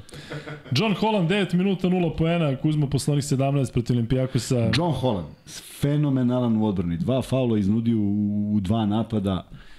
Asistenciju dao na backdoor ovome ovome uh, Dobriću Ima neko samo ali. Ali. samo da ne smišlja. Pa znaš šta je uradio? Pa to je to je to znači Dao u seriji, u da. seriji je pravio greške, nije neko ko kreira i kad ti trener kaže e, imaš jedan zadatak, opali odakle god hoćeš, pa opali odakle god hoćeš. Da, mlađi on pola ima, terena, Da, ima vremena, ima vremena, ima vremena za njega. u- 35 godina. Da Da, je sad na kaljenje negde pa da se vrati. Kuzma Vildosa opet je imao neke poteze koji su onako, da kažem, divlji. E, jel treba Zvezda da se pomiri sa tim da je on jednostavno Mora, takav tip da, igrača ili on mora da se jednostavno... Ali tri lopte nisu prevelik broj. Bitan je, bitan je moment kad, su nastale. To je Da. veći problem. Naravno što ona posljednja, pa su neke spasili sa igrače, međutim zaista neke potpuno, ovo što kaže Mića, voliš da gledaš. Voliš da gledaš košarku i da vidiš te poteze kod čoveka. Ovaj, on stvarno ima krajnosti, te neke... I, o, o, na prvom problemu je otišao na ulaz toliko desno od koša da uopšte ne znam kojom magijom je on vratio loptu u takvom nekom uglu da upadnu u koš. Znači, prosto toliko je daleko bio. Onda ona dva fade away, neka šuta iz, iz, iz, iz očaja, ona ulaze kao kap. Dakle, znaš, ima taj neki individualni kvalitet, ali mislim da njemu ovaj fokus vrlo bitan. On je na kraju priznao da ima neke probleme i da, da ga je to mučilo i sve to. Ajde nek se vrati u tu formu da ga gledamo u dobrom izdanju. Danas je bilo sasvim dobro izdanje, samo da nije te tri izgubljene lopte, nemam problem ni sa čim od ovoga što je uradio. Ali je pitanje za obojcu kada ste bili igrači, kada se dešavaju te neke stvari koje su, koje su van terena toliko utiču na igru. Imamo pre, e, specifičan primjer iz NBA ligi gde je Andrew Wiggins imao zaista ozbiljne porodične probleme, svašta se pričalo, ali jednostavno on je nije odstranjen od tima, već jednostavno nije bio u timu i 20 i kusur utakmica nije igrao zato što bi verovatno u tom stanju povukao tim na dole. Ali onda bolje da se igrač izoluje kada već znamo Mi da, nismo da, da imali svašta... Ma to ti kažem. Ja Neće, pa nikad nisam problemi? raskinuo tokom karijere. Ne raskidam je. u off sezoni, da. Pa to je... Čekaš let. Ja nikad nisam to. tako, U čekam novembru leto. ako ne ide, ti Ja se čekaš izvinjam, jun. Je li, e, kad imamo nekih problema, sačekaj. Ne sada, ne Izvini, sada. sačekaj jun. Čekaj, Jo, nemoj, nemoj, tad sam u reprezentaciji. Ja nisam imao puno perioda. Ja jedan period, apsolutno sam imao vrlo malo vremena za raskidanje. što manje period ima, to ti bolje. E, kad ti kažeš, Ženfi, moramo da pričam, ne možemo. Ne može, ne znam šta. Da, da, da. Čekaj se. E, Da, ovaj, drugačije je bilo vreme, on je, on je neko ko se eksponira na društvenim mrežama. I to se obije kao bumerang, vratiti se, pošto svako ko te vidi hoće da ti bude prijatelj, da ti nešto kaže, to su uglavnom zamlate ljudi, nemaju šta pametnije, pa ga... Ali ako kreneš u odgovore, E, to je to. A on vjerojatno krene i onda je ugasio, kako sam ja čuo, sve te neke naloge da bi smirio glavu. I onog momenta kad je počeo to da radi, valjda je i smirio. Zato što mi će ja ne možemo da znamo koliko je biti isturen društvenim mrežama. Ti znaš iz nekih drugih stvari, pa i ja znam opet iz nekih stvari koje nisu imale dodirne tačke s tim da će neko da me uopšte bilo kom ovaj kontekstu ovaj napada ili ili vređa ili bilo šta, ali tome smo podložni. A sad zamisli neko ko se eksponira na društvenim mrežama. Stefan Marković mislim da ne ne verujem da ima uopšte ove Instagram i ovo, znači čovjek je potpuno miran jer hoće da sačuva mir u glavi da ne bude tako da su ovaj to neki izazovi današnjice, mi nemamo tih problema, da smo imali naših problema, bilo ih je svakakvih, ajde da ne misli da neko da je bilo bolje igrati 90-ih, da nema tu zabludu. Samo sreća bila naša da nije emocija. bilo Sreća ovoga naša da svega što ima sad. Sreća naša. Tako je. Šta? Ima donaciju, kaže Srki, ima donaciju, vidi otvori to. Je li, a šta ćete vi s ovim parama? Ja. Ovolikim parama. Ovo, pa podelit ćemo. Kad se već došli. Pa i onako Misliš idemo u Milan Madrid. Knežević? I onako idemo u Treba, Madrid. treba će podrška. Da, da. Čekaj, ali planirate vi F4 ako Mi idemo na F4. idete? Da idemo, nas da. Pa da idemo se Da, zezati. da. da, da. Evo i Srđan se javi. ide. Vidimo se tamo, ide i Srki. Vidiš, imamo ne, Srki, rekli. Airbnb, imamo u Kaunasu, znaš. Aha. Imamo u Airbnb trosoban stan, tako da, momci, dobrodošli ste ako, ovaj... Ja idem Ima kod, neko iz Kauna. ja idem kod Sabonisa. Kod Sabonis. Niste na Arvidas, ne, ne kažeš mu desi Jarvi. E, kažem, Sabas. Sabas. Sabas. What's up? What's up, man? Da. Da. E, Kuzma, prokomentariši malo Dobrića zato što znam da si jedan čekao jednu njegovu partiju. Tako je, selo, te Čekao si cele sezone. Nije, nije. Slušam ovde svaki Sad podcast. ću ti reći, Dobrić, evo Dobrić. Mićo, Dobri pomo- Dobrić. Mićo, pomozi mi, gledao si utakmice sigurno iz Zvezdine, ja ne mislim da ti praviš neku razliku kad, kad gledaš dobru košarku. Ovaj, e, izluđivao me je taj neki floter njegov koji nije dovoljno siguran. Pazi, digne se ovoliko iznad svih, ona ne završi. Danas otvara utakmicu, jedna ulazi, druga ulazi ko kap, pa naravno dobiješ sigurnost i onda daje dve trojke koje su u nenormalno teškom momentu koje vezuje dve trojke i odlaze, odlazi zvezda na pet razlike. Na, kao da, jel ti deluje kad njega gledaš kao da ne stiče neko iskustvo. Znaš ono, kad znaš šta će on da uradi, a ovde i ne znaš baš kako će završiti ta lopta. Dakle, znaš, e, e, plejada igrača je bila, krenuo je, prošao je to svoje i ti sad znaš da tu nema Boga da će nešto da se desi. A ovde je stalno neko iznenađenje, stalno je neki drugačiji završetak. I meni je krivo što nema tu sigurnost da, da, da zaista svim navijačima prenesu da kad on krene na levi ulaz, desni ulaz, potpuno sve, ti znaš šta sledi. Da li će on nekad da pogodi ili promaši? Ali ovde su drugačiji izbačaj, ovde su drugačiji završeci. Pa, znaš kako, ja, ja njega izuzetno volim kao igrača. Izuzetno volim. Ja bi u svakom da. trenutku takvog igrača i kao njega volio da sad vidim u Partizanu. Uh, uh, uvek sam apostrofirao uh, kada igramo derbi protiv Crne zvezde i to kojih igrača se najviše plašio. Ranije to su bili Dobrić i Davidovac. To su upravo igrači koji su 90% derbija oni rešavali i Mitrović. Znači, ne stranci, strani, ne, da. ne ovi koji, znači, apsolutno Dobrić i Davidovac su bili, uh, tako, ovaj, tako da, ali nekako mislim da, da, ni, da on treba da veruje da mo, i može da bude da, i, Još bolji. još bolji igrač, za klasu bolji igrač, ali da on veruje u to što radi Ne, još on više. potone, on potone kad znači, nešto da, otvori loše e, tako i to je. je to. Onda verovatno sada naravno ima toga i, i sad i publika, da publika počne da reaguje, ima ne igrače, znaš i sam. Neko dobro reaguje, neko loše reaguje na, na kada čuješ kuk posle promašaja ili negodovanje ili tako. Ali jednostavno igrač isto seriji, ako pogodi prvo, znači može da da, da u 20 poena, 30 poena bez problema. I ja volim njegovu energiju i srčanje i momak dobar, Ne, poštena igra, da, znači tako. Ja ne mogu da kažem ništa loše, jel tako, ti si više ga, pa misli, pratim i ja, ali naravno tu se više u- upoznata, ali nekako da sam sebi više veruje, Bilo bi tako, upravo to. Da. Da. on svaki put kad Pritom, promaši, on i- ko da ne promaši kažem gol. ja da njemu ekipa ne veruje, ali još da oseti Još, još, tako je, veće tako je. poverenje ekipe i mo, ja, on može još bolji igrač da bude. A koliko je tu uloga trenera, da mu on... Sve, sve to ima. Pa sve je to ima, jedno, da, sve to naravno. ima. nađe Pa, sve, ke- pa, Jeste. Mada, ne, ne, ne mogu da kažem sad Duško njemu ne, ne daje mu šan, apsolutno ima poverenje to, ali naravno da je, ovo što si postavio, postavio pitanje, naravno da zavisi, pa od trenera sve kreće. Ne. Mislim, Ne, on je može taj, ubije, te tako, ubije tako, da si savršen, tako je, te tako ubije. je. Tako da bilo je igrača koji nisu prostirali Ali, mislim, verujem njemu da ima on šansu, ili tako, kod, eh, ne ima šansu, apsolutno poverenje, Ima minutažu, kod- ima poverenje, pravile minutažu. se akcije za njega. Tako sve je, to. tako je. Imali smo ovde priču sa Nenadom Trunićem koliko je možda psiholog bitan u svakom timu. Meni Tako zaista je. deluje da je Dobriću možda i najpotrebniji. Samo neko što da može da ga tako. da ga malo... Samo da ga neko malo oslobodi Da. tog nekog pritiska, jer, jer e, neretko se dešavalo u prethodnim sezonama. On ode na ulaz i promaši. Pa sad opšuje, opsuješ i vraćaš se nazad. A on uradi ovako. znači, ne, nema vremena za žaljenje. Pro- Prosto beži nazad, promašio si nešto što će se desiti, bre, sliznula lopta, ne mora... Jako teško doživljava te promašaje koji su koji koji njemu se čine da su vrlo bitni. Nije ništa Da, ma, ma, jače preživljava tako, svaki promaš, tako, svaku promaš. izgubljenu loptu, Tako, da. opterećuje sebe. E, Tako je. Mić je malo pre rekao, kaže, volao bi takvog igrača da vidi u Partizanu. Igrač, ja mislim, koga bi svako volao da vidi u svom timu je Luka Mitrović. Dakle, Mitrović Jest, je celo slažem se, sezonu bio apsolutno, toliko da. konstantan i toliko je igrao sigurno. I danas vidio si ono sa Kampacom, on znači čovjek minijature neke koji izmisli. ništa ne i on, radi i onako po, po nekom uh, već, već reaguje u situaciji. Meni Najvažnije zaista- što je uradio za njegovo samopouzdanje, taj čudan šut slobodnih bacanja s nekim trzajem, on je pogodio dva slobodna bacanja kada je to bilo bitno, to, to te hrani narednih četiri utakmice kada jedno ovako završiš. Vrlo stabilan čovek koji je pronašao sebe u nekom novom elementu od prošle godine, a to je ono kad napravi onaj kratki, kratki rol i onda pogleda i vidi četiri opcije kome on može da vrati loptu. I tu je postao pravi, on je mogu nekada i da poentira koliko je bilo dobro i koliko je bilo bitno tražiti nešto, tako da je a, a, u onom momentu kad pređe na centarsku priču, on je taj neki playmaker.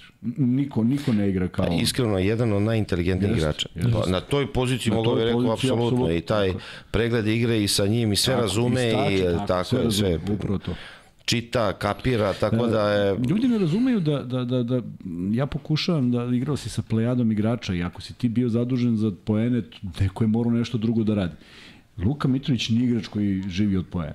Da li će dati 2 ili 20, Tako je. mislim da nema neke razlike u kvalitetu onoga što, što radi na terenu. Pa upravo, ali tako, ona utakmica, mislim da je Podgorica bila budućnost kad je Kampaco čuda pravi, ali tako imao 15, 16, 20 asistencija koliko imao, a Mitrović je dao 25 bez Jeste, promašaja, da, tako nešto. Tako, njih dvojica Tako, tako gledati, da. I to je to, ono, ja kažem demonstracija, to je kao ona trenerski Uh, seminari, da, po, kako da pokazni, tako. pokazni trening. on da Evo treba. ovako roll, ide u desno, on se otvori i tako. Tako. E, možda staviš Srki, e, Srki i Miksa se inače smenjuju da, da ne mislite da... da, da. Mrki, Da. mrki. Da. E, Srki, stavi samo pol, da li mislite, pošto ovde vidim da se Pola već priča i mi smo govorili malo o tome, da li mislite da Partizanu više odgovara u četvrtfinalu, pa stavi opcija A Barsa, druga opcija Real. Da vidim šta ljudi kažu, apropo onoga što je Miće govorio da Barsa nije baš ekipa koja odgovara e, Partizanu. Kuzma, za kraj, samo molim te još prokomentariši Petruša, ono što je meni danas onako prilično e, bilo negativno, to je ta lopta za koju se bacio Hayes Davis sa svoje polovine 5 metara unazad, a Petrušev koji je trebalo samo da se sagne nije, nije krenuo to loptom. Mu fali još više srčanosti. Fali, kako da ne fali, mora da se baci, mora to da bude skok. To, to, to, to, tu, tu, tu su neke stvari neoprostive. Mora da pokaže, on nekada tako dominantno skoči i povisliš sad to je to i onda sledeći neki lopta i niko tu svi nešto kao gledaju, ma to mora da bude. Prvo jedan od najlađih u ekipi, zar ne? Dakle, to je već neki primer. Ti kad vidiš da Lazić skače na glavu, prosto moraš ti da skočiš na glavu. Skoči u prazno, samo skoči. Da, stvarno je najmlađi, evo sad gledam, da li jest, sam mlađi? a jest, i dvojica su isto godište. Tako da, tu mu nedostaje zato što, i nedostaje mu jedna vrlo bitna stvar i mislim da on mora da radi na tome, nedostaje mu rutine. Dakle, evo sad vi koliko pratite utakmice, kaži mi gde je on uspeo da u 1 na 1 u post-up igri okrene igrača, okrene se lagano i samo nasvoji na tablu. Ne treba to bude spektakularan po potez. Samo da se napravio fintu, zakoračio, naslonio se i sa dva 15 digo loptu i stavio na Pokaži kako, je. Znači ovako. Mnogo vam je bolje kad se ide. Dakle, Da, pa ovako, Može- najviše može najviše Ko se, ko se seća Arački pokaži trening. to možemo da igramo. Mislim da će morati ovaj, Luka da se pravda kao, dakle ti ta masnica, pa kuzma me ubi. Daj Masnice. vam, daj vam. Vidiš, on malo, malo, pa mi ću bre, si video ono bre, kako onaj tamo Da, radi. da. Ovako se gradi Da, da, lopta. da. Ovako se gradi lopta. Da, inače ovo je ovde, o, o, ožiljak, da, ovo je ovde ožiljak. Čekaj samo, Verovali ili ne, ovaj ožiljak je ovde od, uh, posle podcasta jednog i bili smo ja, Kuzma i Miksa Ja i jedan od nas trojice me udario vratima od, od ovog, uh, pa sad i, uh, bit će pol. Znam Ko je- ko se je samo proređivanje na poslu. Nosi ovaj frižider. Evo novo pitanje, ko je, je po, evo pa, pitanje za, ko je povredio Luku? Da. Da, I namjerno me cilja u taj ožiljak. Znaš, ono kad Miksa- znaš gde Miksa slab. Kuzma ili neko da, treći? Da, Samo taj ožiljak i vidi. da, da. E, Neko treći. ljudi, e, sutra mečevi FS Monako, Smo Ludilo. završili igrače, jesmo? Ludilo. jes. Ma šta jesmo? Pa šta ćeš da komentarišemo minut Nedović? E, vidi ovako. Ja, što on igra minut? Pa ja mislim da je on bio bolestan, pa se nije vratio, pa je ušao, A, jel pa nije ni na šta ličilo, pa izašao. Ja bi isto tako. Jedno, vrlo, vidiš kako to uzma jednostavno. Ne, ne zašto, ne zašto Pa jednostavno. je zato što- fizički spreman? Ne znam. Ne znam, ne ulazim zato što ne mogu da znam, mogu da nagađam. Ali vidi ovako. U momentu kada se lomi, lomi se žuta celu utakmicu, ne mogu kažem da se lomio, da se negde nije lomio, ali onog momenta kada ostaneš sa motlijem, a brsi kao munj, šta uradiš? Odeš na ulaz, je li tako? Šutneš trojku. Pa jebi ga nešto, nešto trojku. Šalim se, Pa, šalim. znam, znam da se šališ, nego kažem, pa jebi ga nešto, nešto trojku. Jer deluje neozbiljno. Naročito sa, dimenz, sa, sa aspekta gde bi on trebalo da je projektio, projektovan kao vođa ekipe. Kao Kalina prošle godine, vratio se u zvezdu, ba, ba, ba, ba, ba, ba. onda vođa ekipe. Prođi, promaši. I svi kažemo uradio si školski, školsku stvar, je tako? Obišao si ga, on šutne preko motlija i izleti prego što je ušao u igru. Tako da, E, ispostavilo se kao dobar pogodak, ispo, dobar potez iz prostog razloga što je Zvezda pobedila kad jedan tim pobedi kako nam iće. Ovi svi na klupe ćute. Pa da. Nemaju šta da kažu. Koliko god se ne slagao sa odlukama trenera, ali mislim da je dobra odluka i zaista je pitanje, jer ja mislim da je on bio bolestan, ono kad je Zvezda otkazala utakmicu i da se nije možda ni sasvim oporavio. Možda on nije sav svoj, ja ne znam. Možda nije sasvoj, to je rečenica s kojim ćemo, s kojim ćemo završiti Možda, ovo nije, Nedović. možda je prehlađen. E, Mićo, rekao si koga bi volao, da bi volao Dobrić da više u Partizanu, evo pitanje za obojicu, kada biste mogli da izaberete tri igrača iz e, ove zvezde da, da ih izaberete za Partizan, ja mislim da je Kampacu kod obojice sigurno jedna od te tri dobro. opcije. To se podrazumeva, a druga i treća? tebe? Uh, Kamp, Dobrić, Kampaco, Mitrović. Mare, Sad Mares misli nešto drugo. da moraš sad, moraš sad da Moram meniš. sad sva tri druga. Zarad gledanosti, znaš. Uh, Holland, znaš ono, kao ja ću... Da, da. Holland, Bentil, I, i Martin, da, da. Pa, I Adams, ej, Adams, ej, je, Adams, daj, Adams Adams, bio Partizanu i Adams. sradio. Vodite ih. Da, da. Vodite ih. Dobro, sutra šta smo rekli? Efes... Uh, Efes Sjajna. Pa nema, ali šta... Sjajna da- utakmica Efes Monako. E, Miću, Efes sezona, je li te iznenadila Efesova, Efesov kanal? Čekali smo ga dugo. E. Mnogo puta su se izvla- izvlačili, pričali smo mi o tome, ali sad je došlo na svoje. Kad, je, kad smo radili sad, da se setim studio, bio- milion ih je bilo, bilo nas je, pa da li nas, ti, ja i Marko, kada sam rekao, na, po- a početka, nije to bio ni početak, to je bila sredina, kad sam rekao, apsolutno najveće razočarenje Armani, jel tako? Stvarno je bilo, oni su se digli, malo je to pobešao da ovi zadnje pobede u zadnjih 10 kola imaju ne znam 8 pobeda i stvarno oni su i oni su došli na pobedu falila im jedna pobeda ili dve jel tako da a izgledalo je nemoguće ali definitivno Efes da ovako padne da ovako loše odigra. Ova završica uh, ova loša atmosfera u timu nakon da kažem dvostruki uzastopni evropski prvak pojačan Klajburnom zadržan kostur tima, je li tako? Da ovako loše, da ovako lo, loše, imali su problema s povredama i to, ali definitivno meni nije jasno da može da se naruši atmosfera nakon dve osvojene evropske titule. To mi nije jasno. Da. I treća, i treća kad su igrali možda i najbolju košarku. Tako je, koja je u vreme korone realno oduzeta, Najbolje, ajde da kažemo. Ali, apsolutno razočarenje. Pritom pričamo o nekom maxi, giga, mega ovaj budžetu. Da, da. Ali ajde, ja ne volim uvijek da pričamo, e, budžet, ko to, ali jednostavno svesni smo, ta, ta plejada vrhunskih igrača, ali gde tim ne postoji. Tako da, stvarno enigma, onda ovo na kraju s Atamanom i ovo, ovo, ove, Odlazak i ove, ove, mislim, ono, Oskarovske, ovaj, Da ti je trener Epizod. napustio, da je Bog otac trener, potpuno da te napustio na terenu 40 minuta kraja. Pa kako gledaš? Kako ti dobro, treniraš? nema više, izgubiš Nemaš više. Da, šta- šta- poverenje i šta, šta to. Vasa može da kaže Da, sad? šta Šta pa čekaj, ostajemo? čekaj, Pa otišao si, dobro, šta ti neće ne kaže. Ma ne, do kraja sezone u Turskoj pa Ne, ali meni, meni je neshvatljivo uopšte ni da kad ga neko pije zašto, mislim ti, nije samo igrači, ti, ti, ti i klub si ostavio Da, na da, da, znači da, jednostavno to je, od, i to je ostalo upečat, i svi će ovo da vraćaju, svi će o ovome da pričaju, tako? Šta znači četir, izaći 40 vređa, ne znam sad, bilo je, meni je stvarno sramotno, onaj Jest, potez je sramotan. jest, jest. Da se ne lažemo. se, ne dešava se. Atamana očekivan, što je najgore. Pa ne, ali, ali, ali, ali jednostavno mora da bude u centru pažnje. Sad, da je. li je u lošu i u, u dobru i u zlu, lošu, u dobru i u zlu i svako, ali, ali ti, da. tako je. Znači, Ja imam utisak da on nije uz, uz ekipu, da nije dovoljno koncentrisan, da, ga, da ove sezone da ga jednostavno nije dovoljno zanimalo. Je pričao neko da on tako dođe, pa tri treninga ne Nicov, dođe, pa ode Nicov je pričao da on ode na more i Tako. kao rade pomoćnici i onda se vrati kao Ali vidiš kao Panathinaikos ili neko to neće moći nigde van Turske. savršen Da klub za njega, znaš, znači da se Še- oni, tri kako se meseca, zove, tri ovaj, i sad Da, neko, poput- recimo, ajde pričamo sad jedan podcast neki za 50 godina. I sad neko spominje dve, ove dve evropske titule, a tamo na dve, dve evropske titule Duda Ivković. Da. Nebo i zemlja. Pa čekaj se, ali u- tome pričamo neka buduća pokolenja koje kao sad mi pričamo, tako, pritom i to još pokojni Aca Nikolić, profesor i ne ranije, jel tako se, i sad Tako je. pričamo i to, e pa bio jedan, osvojio dve titule, Duda tako Ivković, pa da, oni su isti. Pa Nažalost. kako isti? Pa isto imaju tri titulu. Pa kako isti? Isti samo naziv trener. Jeste. Ali eto, to, upravo to kažem koliko je to, koliko su to i nerealne stvari. Ja ne znam da li se sećate letos koliko je, ili prošlo leto, koliko je Ataman bio glasan kao ne može NBA, tamo mi ne daju priliku, neće, da, neće ni da razmišljaju o evropskim trenerima. E, mislim da Sad, je mislim da sad razmišljaju posle ovoga. su Sad ga dovode kao da- sigurno. da, da, da, Ataman ovaj, u Ide Milwaukee u Bucks. Minnesota tamo. Gde su oni šibali? Ali- Ide Tamo, tamo. da. Ali u vreme, u vreme dodele Oscara Da, u LA. Kaj je to, februar? e, februar, kraj februara. Da.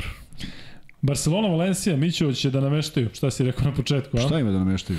Pa ne u smislu da Barcelona... Pa ne verujem ni da je baš smeo. lud Jaskevičius da hoće da namesti ide na Partizan. Nekako tako gledam. Da, Druga da da će razmišljati o tome Ne. koji su i koji ispuni? Is, pa, ali e, da se ne lažemo. Evo, mi smo stručni štab jednog tima, aj Barcelona. Pa mi možemo, moramo da sednemo, jel tako je da kažemo, ajmo sad plus minus, tabla, ajmo. Jedan pomoćni, drugi parti, jedan drugi pomoćni Makabi, treći pomoćni Žalgiris, ajmo da vidimo šta, kako, igrali smo, i igrači znaju, treneri znaju s kim, igra dobro, kako jel tako prolazi bolje protiv ovog tima. To su normalne stvari. Ali, ali tebe Euroliga dovede u situaciju da ti dođeš u situaciju da možeš da namestiš. Da, da. Pa da, zato što je zato što se igra u ova Ne igra, Miro ti prehlađa. Da, da, Prepon. možeš, pa hvala Bogu, ma ih, možeš da Jel radiš. tako, kako primi, primicač. Treba, Pa, ne, treba hoću da- kažem, to, to, to ne sme da, da uopšte dođe u, u Ma sama činjenica da se igra u različitih dana utakmice koji imaju neku odluku, stavite Ali- nekako, mora se osmisliti drugačije. Da bi bilo, da, vidi, Ma, ali mi pričamo ne, da, da, se uopšte osmisli- ne bi pomislili. Tako je, da znači, nema- zašto da i da nemaš- pomislimo, tako, ej, a nemaš šta ako, pa ne može.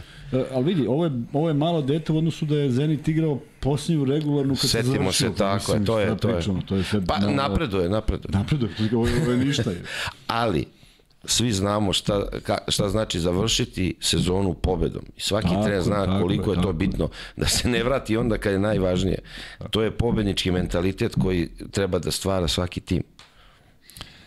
E, Bayern Žalgiris, Mare, jel ti radiš nešto? Žalgiris. Nešto sutra? Prenosim Partizan. Partizan. e, Bayern Žalgiris, šta očekuješ tu? I generalno te dve ekipe su onako, tokom cele sezone... Bayern će ide istom ovom logikom da, da završi sezonu pobedom. Jeste. Neće biti to laka utakmica. Ne, ali pa ne. ne. za Partizanu znači nešto, da oni pobede Žalgiris. Ja mislim da bi to Luča, Trinkieri, Jaramaz... Ali oni će ovako to da cepaju. Da, da, da. Isto što je i Zvezda uradila da, da po- pomrse. E, jer oni, e, ne znam kako stoje u nemačkom prvenstvu, ali mislim da nisu prvi, a e, gladni su da, Treći da su, osvoje. tako je. Da, Nisu da, čak da ni osvoje- drugi nego treći. Da osvoje, već su uzeli kup i konačno tu albu da, da, da skinu ove godine. Ovaj novi igrač igra dosta dobro. Čitem, Čet, Zajlan. Da, Čit, Zajlan. Čidem, da, oni što igraju za Birmingham, za... Odjednom, da, ne, i, Neverovatno kako se navikao prvi put Da, igra u Evropi. da. Kako Za se sve Birmingham? i uklopilo. Gillespie konačno nešto igra. Ali pazi, Gillespie koji, koji je došao kao mnogo poznatiji, ajde da kažem, ovaj ga je, da ka, ali vidiš, Da. proigrao i on pored njega. Uh, I, e sad, naravno, ovi ljudi imaju ono, čoveče, i Final Four ti je kod kuće, ovaj, gde ćeš veći motiv nego da, da, da uđeš u play-off, prema tome. Uh, mislim da on bit će to paklena utakmica. Da, ovaj, da, svakako. hteće, hteće da pobede. Partizan Panathinaikos, Mićo. E, Biće gust. Lakše Partizanu naravno sada kada se već zna da, da ovaj, ne zavisi od te utakmice, ali tu se zaista očekuje, ja mislim, e, jedan onako show, jedna e, podrška sa tribina kao što je bilo do sada i sigurno pobeda Partizana. Pa dobro, naravno, svi očekujemo to i verujemo u to i naravno da je Partizan bolji tim od Panathinaikosa i, i favorit. Ne možemo da kažemo sad da je 50-50, to je na, nakon ovoliko, znači 33 kola gde je Partizan, gde je Panathinaikos i po svim Nije segmentima i nije realno, ali isto tako, znači po svim parametrima Partizan mora da pobedi e, pobednička serija, završava triumfalnu sezonu, 20 pobeda u 34 kola, fenomenalno. Ti u, u rukama držiš to šesto mesto. Ne razmišljaš da li će Žalgiris da pobedi. Šta ako Žalgiris ne pobedi Bajerna i ti si sedmi. Ne ideš na Real Barca. E sad, ja ne verujem sad da će neko, ovaj, iako to, to se ne gleda, ali opet razmišljaju, Real smo, ne kažem, možda nije ni realno tih 20 razlike i sve to, ali videlo se da nam Barcelona i njihov stil igre, ta na, agresivnost na, na vici faula ne leži. Bar za sada. Ne kažem ja da mi ne možemo u play-offu i sa Barcelonom. Što da ne? Ali nekako, to je, ovo iz, moj, iz mog ugla gledam, e, priželjkujem i to sam rekao, e, od ove, kad pitaju me sad, naravno, se, e, a ti znaš sad sve, reci nam, rekao svi osim, Olim, Tačan osim, osim par, uh, Barcelona. Da, da. To je moje mišljenje, ali to ne mora da znači, e da, to što si rekao, da idemo na Final Four. Samo Apsolutno ti ne nosi znači. onu košulju, Miće, i to je sve, sve O, oprana, završeno. sve to, čak, čak ću i da zamirišem sutra. Mare, je se sećaš prvog meča Panathinaikos Partizan tamo, dakle onaj Egal 89-91, potpuno drugačija situacija u odnosu na sada kada je Panathinaikos imao još neku početak sezone je bio, pa je, pa je bilo onako... Bila je neka šansa, ja se dobro sećam prvog timeouta e, Radonjića na toj utakmici gde sam ja pomislio da igrači prosto ne žele da igraju za njega. Jer Jeste, tada oni Papajanis i ovi ništa nisu radili Da. I na timeoutu kao da, znaš sad, odjednom Radonjić treba njima da objašnjava, e ljudi, ajde igrite košarku, ono, to, to apsolutno nije bilo ničega. Uh, I koliko se, čekaj, sad, samo je dva razlike bilo. Da, da, na kraju. Pa Bilo, Da, bilo ali je posle se ja jurio, one, na faul se išlo. Jeste. Ali ne mogu da se- setim se- uopšte te Ali utakmice. se sećaš, Sećam e, se tog timeouta. to je bilo onako i, uh, kucanje. Bejkona u kontri kada je mogo, faul, pa je bila frka, pa tehnička greška, pa se tražila pa, faul na zakucavanju. Pritom, on je izmislio, mogo je da položi, mogo je se išao na zakucavanje na atraktivnost, a recimo sa, sa tim poenom Bejkona mogla utakmica totalno u drugom speru da... Se da je bilo priče da Dwayne Bacon dođe u zvezdu, da je to kao bilo nešto ovo, ne da i Bože da je došao u zvezdu onako. Kakvi je si U Razeru. A evo kad si već kod, da, mislim to bi bilo ta, tim Nepal tako, to je pritom ovde je to nemogu, takav igrač ovde u, u, u sistemu Zvezda i Partizana ne može Ne da može opstane, igrati, to ne da. može. Pritom Jeste- publika ne dozvoljava. Ali evo sad pitam Kuzmu. Pričalo se Polonara i ajde sad. Kakav pitam, Polonar? naravno, pitamo, pitam sve, ali ajde, ko, Polonara. Što njega, on ne može ga smisli. Pa kaže, ponare, ja padnem po stolu. Kao šteta što nije, mislim, po meni, da šta bi Polonara doneo Crvenoj Polonara. zvezdi? Ne znam, nemam ideje. Majke. Ne, evo, Pritom, on samo kad protiv Srbije igra i, i Zvezde, verovatno on pogodi. I uređuje Mili igre. Kako treba Da. On ovaj... Svi da su Vareze kaznili 16 bodova. Pa kao. Oni su, oni su doviđenja, da. Šta su radili? nisam Nisu znao. plaćali igrače. Finansijske. Ja, pa da. Trti, sad su poslednji. A Luis Kola je tamo... Da, on je GM. menadžer. On je do prošle godine igrao. Ne, do pretprošle. Pr- Prošle ili pretprošle. Da. Ili prošle, da Moguće više. da je do prošle.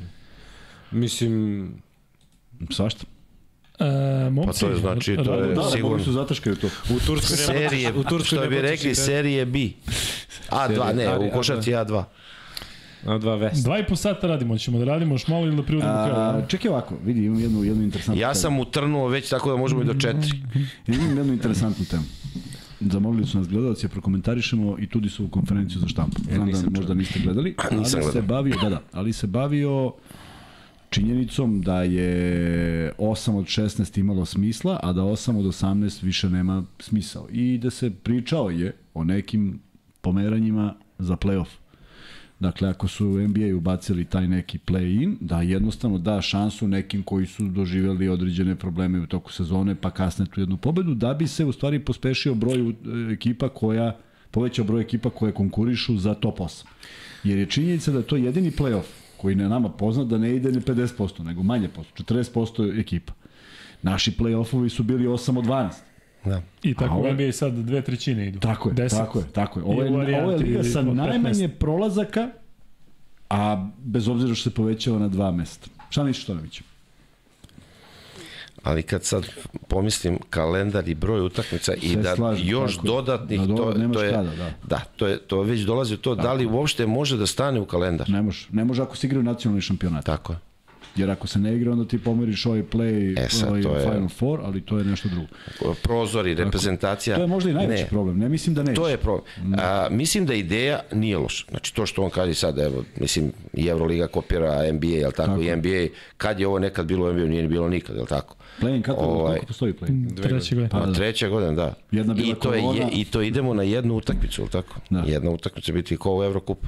Da, da. Ovaj, tako da, ali kad pogledaš kalendar, kad pogledaš broj utakmica, Ne, ne, ne. nije, nije, hum, nije, ne, više nije humano prema igračima. Jeste, slažem se. Pritom, moraju da, a da li neko pita igrači ko igra? Ne igraju roboti. Da li neko uopšte pitao da li, da li ovo pre ljudi ne može, balon tako puni se, puni se, puni se i u jednom trenutku gotovo ili će pukne ili, ili tako. Jednostavno ne vidim gde može da se ubaci. Tako je. Makar to je tudi još si, jedna... I tudi si od uvek imao ove, te ideje, on je dok je bio u CSKA bio protiv Final Fora, pa kao, zar nije lakše Dobro, da se igraju serije? smisla, To bi... To, Da jeste. ti se boriš za domaći teren cele godine i imaćeš ga praktično samo u jednoj seriji. A, apsolutno, ali opet postavlja se pitanje kalendara. Kalendar, a kalendar druga stvar, problem. Final Four je takav događaj i to je takav praznik Jeste. i to je Jeste i to. i Pa, to ima neku svoju draž da ti dođeš tu, tu četiri ekipe i da to bude ono, ludilo. Jeste. Kako bojce komentarišete ovu varijantu koja postaje sve realnija, a to je 24 tima, 2, 12, 12. Ti se to dopada već? Ne dopada ti se sigurno to ko ni nama London, Dubai, te egzotične košarkaške... 25, Pa dobro, 26, svi 2 puta žele, samo. mislim, money talk, svi znamo money talk, money talk, tako da to mi ne želi, ne želi, to ako kre, kreće upliv, dole, ako bude krenuo upliv novca, to je već, ali samo postavlja se pitanje ti, te ekipe koje uđe, mislim koliko će to biti takmičarski, ili tako, koliko one mogu da izdrže. Juče sam pomislio u jednom trenutku, gledao sam Gran Canariju, Gran Canaria Bursa. I zamišljam pobednik Evrokupa Gran Canaria. Ne. I, I nije ti dobro. pa ne, i hoću kažem, 34 kola ovakve Evrolige. I, š- i sad, u jednom Već su trenutku. Evro, pa dobro, da, da, I- tako je. I e, u ovom formatu ne. Jesu, jesu. A u ovom Ono formatu je već sam budućnost, zaboravio. e, I jeste. Daruša Faka, Tako Gran je. Canaria Ali su i bile sada katastrofe. recimo, ti sad kreneš serija pored ovo je drugi deo sezone, kako Gotovo, gledamo. ma nemaš ništa. Na šta, na šta bi to ličilo? Na šta bi ličila utakmica Evrolige gde dvorana od 12.000 ili 10.000 koliko može, vidiš 500 ljudi, 700, 600, pritom ofarbane stolice i ono izgledaju kao da, su u dresovima. Plavo žuto? Juče mi je prošlo ko- samo ta misao kroz glavu. Sad recimo Gran Canaria da ono, e onda će bude dali on navijači, a oni ljudi, oć, e, e, to je upravo, pa ti si rekao, si ti prenosio ovo? Jesam, jesam, samo si šta sam rekao da je ovaj pošto ti kažem. ovaj, ne, da je već e, stupilo u kontakt da, uh, sa, jeste, Fibinom, ono, uh, Champions, pa kao- sa Fibinom Champions League. I sad kao pregovaraju, Da i- flertuju sa ovaj, če, i budu pobednici. Što, što da ne, Gran Canaria i Juventud po meni su dva najveća favorita, dva španca. Ja ne vidim drugog favorita. Tako da, Evo da Ne kažem, znači, kad pričaš sad o tome... pritom, aj, dakle- aj, Luka, sad to je bilo, znači dve po, znači dve po 12 ekipa. Da, To je 22 kola, ali tako? Ne, to će biti, biti 2 plus 1. Dakle, igraš dve sa svojim... Ne, dve grupe e, po 12. Da, 22. Pa znači tvoja grupa ima 22 kola. Da, ne, ne, ali ne, ne, samo ukrštaju. početak i onda se ukrštaju. Da. I, i šta je? 4-4? Jednokružni. Ne, ne, je, ne ne, ukru, jednokružni. ne ukrštaju se, nego Odigraš jednokružni sa protivničkom divizijom. Da. Gostuješ negde si domaćin. A on, 11 utakmica. To je dobro, 33. 33. Znači to se dolazi na ovaj... Na ovo. to kineska liga, tako je. Jest, da. Pa čekaj, takva je sada naša futbolska liga, ali tako? Ne, ne bi mogo da uopšte To ne odgovorim. zna niko od ovo. Mislim, ne znam, tako nešto se- Pogrešna, Svaka ti čast. pogrešna adresa za pričanje o futbolu. znaš ti možda? Pa ne znam, tako mi nešto bira... Je li ima neko ovdje ko prati futbol 20 2300? Ne, Ma mislim, tužno je pratiti futbol kod nas, ali, ovaj, ali, ali definitivno Je. nešto mi se čini da je to... Ovaj, E, samo ne to gledaš će neke. biti kolo manje nego sada. Kolo Znači, manje nego 33 sada i ne gledaš neke ekipe kod kuće. Da. Neki imaš sreće, verovatno Što si već pet imao šest, da. tu situaciju kad su bile grupe. Kad su bile grupe, jesi, da. da. Um, ja im, uh, imam stav da ova, ovaj novi sistem, ovo 16 pa sad 18, top. Znači, Euroliga nije mogla bolji, bolju stvar da napravi sa time. Zato što je košarka bolja, zato što je uh, kompetitivnija, ne znam, pravi, pravi prevod. Provućemo te. Ovaj, Prihvatam. Da, da. I nekako vidim da svaki novitet koji su uveli je dobar i dao je neke rezultate. Volao bih da i ovo da do, rezultate. Ne znam kako će oni to... e, Postoji problem, znači, da li će tih 22 ekipe konstantno biti... e, 24. Da li će konstantno biti uh, uh, na tom istom nivou finansijski moćne, da li će moći uvek da naprave dobar tim i onda imaš jednu diviziju, koja, to je konferenciju koja je mnogo moćnija od ove druge. U, u Americi, kad imaš dve divizije u NBA-u, znaš da je u principu u principu je jednako. Mare sledeće Ovdje- godine port parol Euroligi, znaš. ono da- Ja vidim da on puca na to. Da, da. A već se javljaju, već se javljaju iz Euroligi, gledaj. Da, da. Ovaj, e sad London, Paris, Du- Dubaj, to me ne želim da ogromna je, ogromna je, ovaj, ogromna je halabuka oko Londona. Neki ga žele, neki ga uopšte ne žele i tu se sad lome koplje. Ovaj, ja, Pa Pazi, definitivno bolje Evro... London nego Gran Canaria. Ne, ne, ne, ali vidi, oni Pa hoće da, da, on bude stalni, zašto? znaš, ovo Gran Zavisi šta Canaria A, bi ušao a, pa ne, ne, ali pričamo grad, vele, metropola i to, ali a gledanost Je dobre, E, a okej. ima- ima- U Evrokupu je okej. ali ja sam Ne znaju da navijaju, ne znaju košarku. Znači, oni ali definitivno znaš, da- Euroliga želi, mislim to svi znamo već, to je Bartomeu u godinama, znači želi London, želi Pariz. Jeste. I da napravi Tako Berlin, tako. Pariz, London. Ali vidi, ima tu jedan, jedan problem koji sam ja iznao kao argument. Znači, ovako, ovaj otvara i kao, Lesor, crveni onaj pečat. Drugi pasoš, egzum, može, ovaj zeleni. Oni ne konstatuju ništa što si ti ekipa, oni nemaju taj osjećaj. Oni su zabranili navijačima da dolaze na onaj Final Four koji je bio u... Zabranili su navijačima, ceo smisao je da popune ovi tamo koji dođu, oni su zabranili. Dakle, To je jedina zemlja za koju ti je zaista potrebna viza u Evropi, je li tako? Jeste. Ja ne znam za drugu. Još uvek postoje britanske vize za sve. Ili da preplivaš Za nas La postoje. Manche. ali- Postoje i za ove, u to, Litvance postoje, za istočnu Evropu postoje Isto, Ja 100%. nisi Evropska ni- unija ulazi u Britaniju. Ali oni su izašli iz ovoga i pitanje je kako, oni mogu nekoga da okarakterišu kao ruskog, rusko prezime, baš ga briga koje Ja on sam pasoš tebe ima. uvek doživljavao da si ti preko La Manša lagano prelazio. Ja, ja, ja, jesam, ja, meni nije bio problem, malo mi treba, ali... Ludost, bre, čekaj, Hrvati sad mogu u Ameriku bez vize u Britaniju, za Britaniju im treba. Ne, Nema sad, Sulude, sulude sistem. ne pratim. E, ljudi, vi pošto morate da radite sutra Panathinaikos, redi da vas pustimo lagano da, da idemo, ali za kraj, evo samo ću reći da je e, dalje u top 8 e, Evrokupa prošlo Prošli su Paris, Ulm, je Tel? Aviv, Juventus, Prometeas, Gran Canaria, Turk Telekom dobio danas 8 razlike i Promete je prošao prvi onaj dan. I imamo koga? Džileta, ili ostaje još neko? Ne, Gile, Pa samo Gile u Ligi šampiona. Samo u Ligi Gile. šampiona sa onim, sa dramom što se dešavalo u, u Atini. Sad je u Strici. 1-1. Sa Eko, A sad sa je- Eko, sa a, Eko. Da, da, i čuli ste da se dešavalo svašta, a Čuo tu sam su da, još znači, ali unikakve on je i još Maresa jedini prošli. preživeo. Ovi su ispali svi. Da, jedini, evo, taj sistem takmičenja, jedina ekipa koja nije iskoristila prednost domaćih trenera Letkabilis protiv ovog Raspolja. Neverovatno, 97, 98. A srpski treneri što su svi imali prednost na polovremenu i... Svi su, svi su vodili, da. Da, da. Jel pratite momci NBA ligu za kraj? Mićo? San Tu. Antonio. a? Pratim. Ne gledam, ali tu sam. Da.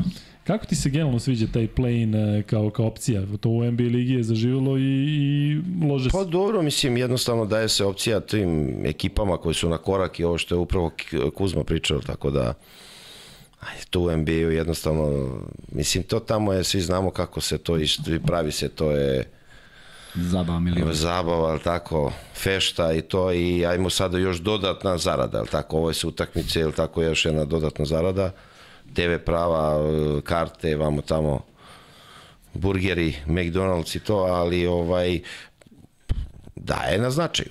Znači, evo, je- sinoć je, li tako, Tor- Toronto izgubio kod kuće. Jeste, sa ovom malom što vrišti. Dar, DeRozan. A imali su, vodili su na kraju, recimo 10 razlike, na kraju treće četiri nisu vodili. Imali su 17 ili Ja, i vodili 9, da, ali na kraju treće recimo bilo desetak nešto Jeste. razlike. Jeste, I sad je Chicago, Miami za Bucks. Tako je. A ovamo uh, New Orleans, Minnesota. Uh, Minnesota, Oklahoma City. Da. Da, da. I ovi klinci iz Oklahoma City I šta, City su ajde sad ja postavljam pitanje. Šta mislite ovaj NBA playoff, ovaj, evo Kuzma se pravi lud kao misli da neću ga, baš ću njega da prvo da pitam. On samo Ne, ne, ne, ne, gleda ovde, znaš. znaš šta, gleda tebe, pa da da te udari po ramenu, pa gleda da, da, knjige, ove, ne, ne, ovo ono, Pošto pitaju o NBA ligi, on odmah, tačno, tačno znam. E, Kuzma, hoćeš pola-pola? Hoću da pomoć prijatelja. Halo, mama. mama prati NBA ligu. Pitaj Mićo pa da s tim završimo. Šta? se- Pa se ne, ajmo da vidimo playoff, šta, očekivanja playoff. Brooklyn? I o, San Antonio. ovaj, Nema ga. da li može Jokić i Denver Ne može, do titula? ne može. Prvo kolo će pregaziti kogod im je protivnik. Ja i mislim ali- da imaju da. neki problem. Ime. Imaju problem što nemaju, nemaju uh, ostatak ekipe kakav treba da bude. Mislim U da jednom treba- trenutku nema- je to delovalo Jest. ne dobro, nego odlično. Ono što smo mislili nema i tako. Pritom, Nikola koji je razigravao sve, znači on je razigravao i ekonoma da bi imao šansu u play-off. I razigrao je sve igrače, da se ne lažemo. Jest, ali e, imaš Mare i Portera koji dalje misle da su oni... Ali meni je, meni je enigma Mare. Ja ne znam zašto taj igrač ovaj... Šta mu je? Zašto ga Da. čuje? Meni je enigma kako nisu tradovani. Znaš, zašto su mogli, u jednom trenutku su mogli za njega da dobiju nešto, šta god, a, međutim, a, ne vredi. Jednostavno, Meni je žao, meni će, u stvari svima će nam biti žao što Jokić, ako Jokić ne osvoji nikada prsten, žao bi mi bilo da osvoji kao Peđa, ako se sećate Peđa, dakle, na Dallasom, zalasku da. karijere gde je Dobro. U, u Dallasu, U Dallasu. da, nije Sacramento, svih te- Dobro, nije- Lakersa, mislim svaka nije čast naravno, mislim i, i, i divno je to, ali uh, Jokić će možda kad završi karijeru i kad prođe neka vremenska distanca od toga, pričat ćemo o Jokiću kao najboljem centru svih vremena.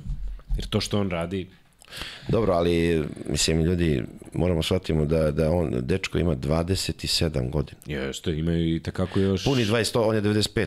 Jeste. Tako da kako još ima ima vremena, ali naravno ovo su ovo su njegove one, svi znamo 28, 29, iako je igračka, tako, karijera sad produžena i to u odnosu na ranije, ali voleo ali stvarno je to delovalo i oni su bili, pritom taj domaći teren koji oni su u jednom trenutku imali od recimo 25 utakmica kod kuće 23 pobede. Hmm. Što je redkost, ili tako je ono baš pravi, pravi domaći teren imao ovaj Denver. Jeste. I sada su pali, baš su pali u formi, znači to je taj kraj... Mislim da su nisu- se čuvali zato što su Ne, ne, da to se čuvali, prvi, tako znaš. je, to je već i videlo se to i po Jokiću, pa ne znam, igra, ne igra. E sad vidjet ćemo da li ovaj, Šta ti sad kad očekuješ? je najvažnije. Ima neko koga ti tamo vidiš kao opasnost. Meni ovaj Golden State, sada kad su zdravi, Uh, dakle, mislim da su najopasnija ekipa zbog iskustva, zbog svega. To, to je taj tim od prošle godine, verovatno još bolji. A, a ja mislim da recimo ko može da bude, a sad to reći iznenađenje, ali koji su bili na korak da nema play-offa, da Lakersi mogu da naprave uh, ozbiljan darmar. Ne darmar do kraja, ali da mogu da pomrse račune Sigurno. sada ovaj prvog, prvi krug, drugi krug, jednostavno to su igrači ako uđu, ako dobiju samopouzdanje. Ovaj, Protiv Memfisa, mladog, znači, sigurno. Dakle, Znaš, ovi, tako da, Memphis sa svojim tako problemima poslednje sa problemima njihova, ali nekako ja sam, optimi, ja voleo bi da vidim, voleo bi da vidim u velikom finalu Denvera. Kako Mislim, svi, svi mi vole, svi da- vole, ali nekako i verujem, ne samo da bih voleo. Znaš šta, treba da preskoči neki Phoenix, a taj Phoenix je pojačao Durantom, ima tu i Golden State Phoenix, može da natrči na jednu od te dve Pa ekipe, dobiti ih četiri puta. Znaš, Naravno, mislim da slažem. u Denveru uopšte ne gledaju na košarku kako gledaju recimo u Golden State-u gde je sada to dinastija i u Phoenixu gde postoji ipak neka onako kultura još od onih Sansa, Barkleyevih. E, U Denveru je e, košarka treći sport po popularnosti. Prvi ti je Bravo. Colorado Avalanche, Jeste? pa onda Broncosi i onda, i onda ovo. Mislim, razumljivo je zato što je Colorado aktualni šampion. Ali da. oni tamo su baš u tom fazonu show, idemo, hot dogovi, burger, ako se izgubi, nema veze, ako se pobedi, bravo, idemo dalje. Dobro, ali mislim da se i to promenilo u Denveru. Da, je- da je više Bože. i da je veći pritisak i ovaj sada kako su onako prvi čitave sezone i zadnjih godina tako uzlaznoj putanji nekako ovaj i mislim da je kompletna NBA liga je jedna stvar regularni deo i sasvim druga playoff. Jeste. Ne samo uh, i, e, pa, suđenje drugačije, al tako, više nema suđenje uh, bilo kakvi faulova, znači pušta se onako muška igra. Navijanje je daleko jače i onako ovaj Više navijački ja. i onako svi su tako onda kreću svi u istim bojama al tako kad dođu za, ovaj u dresovima majicama i to deluje sasvim drugačije i to se vidi tako da ali da će da bude ali da ne vidim jednog apsolutno ne vidim uh, favorita da kažem ja, ja bih rekao sad Mil, ni meni Milwaukee sada što ne, ne, ne uliva poverenje ovaj da je on sad taj taj favorit iako je broj 1 ali gledajući i dalje opet mislim da recimo Boston može da ovaj da, da, da ponovi ono što je jel tako što je radio prošle godine. Ovaj trener struja, ovaj mali Masulo, će se Da. da. sa igračima nekoga onako usput ga ovako zakači ko mene Kuzma 15 puta, on odmah ide, baš pritom centa neki 20. Ali imamo pozdrav iz Ali Londona. recimo Tatum i Brown, ta, mislim, Jeste, stvarno... Da, nešto nezadovoljno. kopija. Imaju oni neke svoje tamo muke na, na lokalu. E, pozdrav iz Londona, Zvezda i Partizan bi bili domaćini u Londonu u Euroligi. E, Koliko verovatno. ima naših sigurno. Da, pa da. Tako Znači, da, ajde London. da, Aj, dobro, London. onda ako su I već pa, je. Ja bi onda birao Chicago. Da, da, da dovedemo tamo. Ja biram Chicago. E, e, dva free beta su nam ostala, evo ga drugi, dakle, koga Mića nije prepoznao, a bio je doktor Reala. Dakle, morali ste da gledate ovaj podcast da biste videli, ovoga nema na... Ko nije gledao, Da, da, i ko prvi odgovori na ovaj free bet dobija 2000 dinara. dobija free bet. bet. Emo, E, a, a, prvi odgovori na nije, ovaj a nije Santiljana. sad si im pomogao, znaš, sad ovi na pola stao, na, ljom. Čekaj, što kaže Santiljana? E, da vidimo, Kuzmo, ćeš ti treći, neki neko šarkaški. Mm. Ajde, neki, ali hoćeš odmah? Mm, Ne, čekaj čekaj da da prvo da, da odgovorim. Mićo, kako ti je bilo? E, e, koliko ste puta kod nas? Mićo, tebi je peti, četiri puti. Pet. Uj, Bio si za, za, za onaj ljubilarni, Čekaj, bio si kod toga te- dva puta. Četvrti, ja mislim. jel čet, ja svi mislim da je treći čoč, a nije četvrti Peti, znači. peti, peti. Nije, mnogo je pet. Mnogo, mnogo, pet. Peti, peti. Poker, Majre, ti, četiri puta, a? Pa jeste, isto. Da. Da, da. E, Viš, nisam naučio da treba da... Pa nismo mi znali da smo toliko znali. Upravo si Mare što si me... Blan, čak je pogrešio, pa je uspeo da se ispravi. To je ono što znamo da, da ti Ali vi pitaj ga sa K ili sa C? Sa C je stavio, odgovorio, pa odgovorio je pa na sa- pet načina. Pa sa dva Jedno mora da bude tačno. Pa E. I Kuzmin treći free bet glasi ovako. A, u, ima jedan remake uh, filma koji izlazi ove godine, igra Woody Harrelson, a urađen je po filmu španskom koji je potpuno fenomenalni, morate ga gledati. Kako se zove taj film? A ako si mislio, Miću, da će ovo brzo da se završi, neće. Evo sad. Sad je škola oni sad. A na ima veze, Woody a ima veze sa svim o čemu pričamo. A znate da se radi, da je određen ovaj Belci ne ume da skaču remake i katastrofe? Ma, Pa da. naravno da je katastrofa. Znači, Ali ovaj ne, film, može to se pa... Ovaj film, ali da li će neko odgovoriti, ovaj film, španski, u pitanju je španski film, je prosto fenomenalan. Je li Al Almodovar? Ni. Onda ne znamo. Ne. Tu stavimo, ako nije Onda mora da je Gonzalo. e, odgovori Korbalan. Pa nije baš i na drugo i na treće pitanje Korbalan.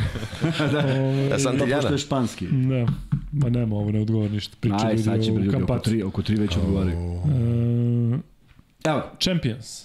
jest. Milan Jest. Jovanović, majstor. Miki, šalješ Dakle, Miki slušaj. na FIFA, na... Champions je film o treneru ACB lige koji dobija otkaz. I za to što je uradio da bi dobio otkaz, mora da radi dobrotvorni rad. I šalju ga u košarkaški klub za osobe sa posebnim potrebama. Genijalno. Ja. ali genijalno. Prvo, ne znam gde su našli likove, da, da li su ono stvarno likovi koji su samo pristali da glume. Prosto genijalan film. Sad, Amerikanci mogu da u, nekad upropaste, mogu nekad da naprave nešto dobro, ali vredi ga pogledati. Španski film zove se Šampioni. Zaista za svaku preporuku. Znači, genijalno je koliko se smeješ Ili, na ili jednu ti takvu... ka, ka, Campeones. Campeones, tako je. Ili ti Champions na engleskom. Luka, znaš šta mi je rekao Kuzma kad smo se, do, mislim, dogovarali, nismo da se dogovaram, sam kažem mogu, ne mogu, mo, dolazim. Ne, ne, ne, bit će kad, ne, ne, hoćemo, ne, nadam se, ma ne, ne, kako je ovo opušteno, kaže, šta ti je, Ali Miće, Do do 12. kaže, kaže, kod vas kad god pogledam na sat, ono jedan. da, da. Samo nema ne ćemo šta. ograničimo. Evo, Da, tek je da. 12 i 6. Po Viš kom da smo požurili, viš da smo požurili. Jesi ti promenio vreme? ja sam po Pa Buenos, trebalo. ja sam Nije po. Buenos Airesu. Pazi, odgovor šunka, šunka, pa nije baš. Campeones, E, šampioni. E, Kuzma, kako se kaže šunka na španskom? Hamon. Bravo. Da, pa hamon, hamon. Beše šunka, šunka. Hamon, hamon. Jes, jes. To ko je gledao Seranove. Nisam gledao. Gledao sam šunka, šunka. Mićo, A, bez Iberico, Mare, Hamon Iberico. kada već ode, Iberiska. e, Pa, pa to Iberico. imamo Hamon, to, to, tu Hamon slobodnu Iberico. temu. Je li ima neka serija ili film koji vas je oduševio u posljednje vreme da preporučam? Mi ovde uvijek znamo da preporučimo i knjigu, i film, i muziku. A ja, Gledaš neku ja prvo, ovaj, Mada danas sam vidio da je Srđan Erceg ovaj, bio na promociji Metalike, ne, neki novi neki novi album. Kaže, potiče na Load i Reload. Ono, Do- to mi je totalno. E, Ali, ajde, hoćeš ti? do, dokumentarac o hapšenju Bin Ladena, a nije film, dokumentarac. Na Netflixu? Tako? Da. Jeste, dobar. Baš, baš ovaj, često vas slušam to kad preporučujete. E, Kristijan Novak, hrvatski autor, dve knjige je do sada izbacio, e, Crna mati, Črna mati zemla i e, Ciganin al najljepši. Koju To su- preporučaš? Ovo Pa- ili... E, obe, e, on, teško je, teško, teško je kad Nemoj pročita... teške stvari. Da, ovo, Da, ali, ovo- genija, ali genijalne. Genijalan, genijalan Dobro. pisac i ovaj, ta Črna mati zemlja je, o, to je neko, neki deo Hrvatske tamo, valjda, Varaždin, gore, gde se priča neki jezik koji, sad je, Koji ne znam- hrvatski je, ali je jako... Što Sa Da, da, akcentom da, da, nekim. da, se zove? Da, to se da. zove Zagori. Međugorje. Zagori. Šta, ka, Među... Među... kafkački nešto, tako recimo. Kako? Podrevina. Eto. E, pa taj. I Črna mati zemlja je užasno jedna teška knjiga, užasno genijalna. E, Cigare naj, najljepši je malo i komedija, malo i detektiv, detektivska, malo je i uh, i ona teška, ali to su moje preporuke. Ovaj, Eto, ovaj, ljudi čitaju ovo što preporučimo i gledaju i izjavljuju I zato se. ne i gledaju, znaš, su. ne više ne gledaju podcast, nego u to vreme Da, čitaju. samo Tako kaže, ne možemo moramo gledamo, da- moramo počitamo, Da, da. ispitujete u ponedje. Pazi da je sad ovaj ovaj podcast bio u vreme 90-ih. Sad bi tamo ono išli na ovaj na busu na Trg Republike i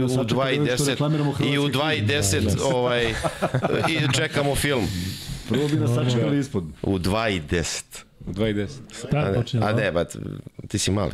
Šta da radim? Ne znam da li ima taj autobus u 2.10. Ha? Palma, Ako Palma TV. Kući. A ne, ne, to je da, da. da je... dobar im je džingl bio, ono Palma kad igra. Palma, ja, neka. Ona je bilo... Ali čekaj, ne, ne, ali sad ja sam ono, u, u, u Taukenamici u Vitori i sad naravno tražim soteli da se ne, i sad vataš RTS i ne znam što je, palmu vatam na ono, sad to, u Vitori, pa i sad imao sam neko društvo, neki španci i sad ono ne, prespavali, imali smo slobodan dan, oni spavali, izlazili, naravno, nelja se budiš, ja nešto ostao palim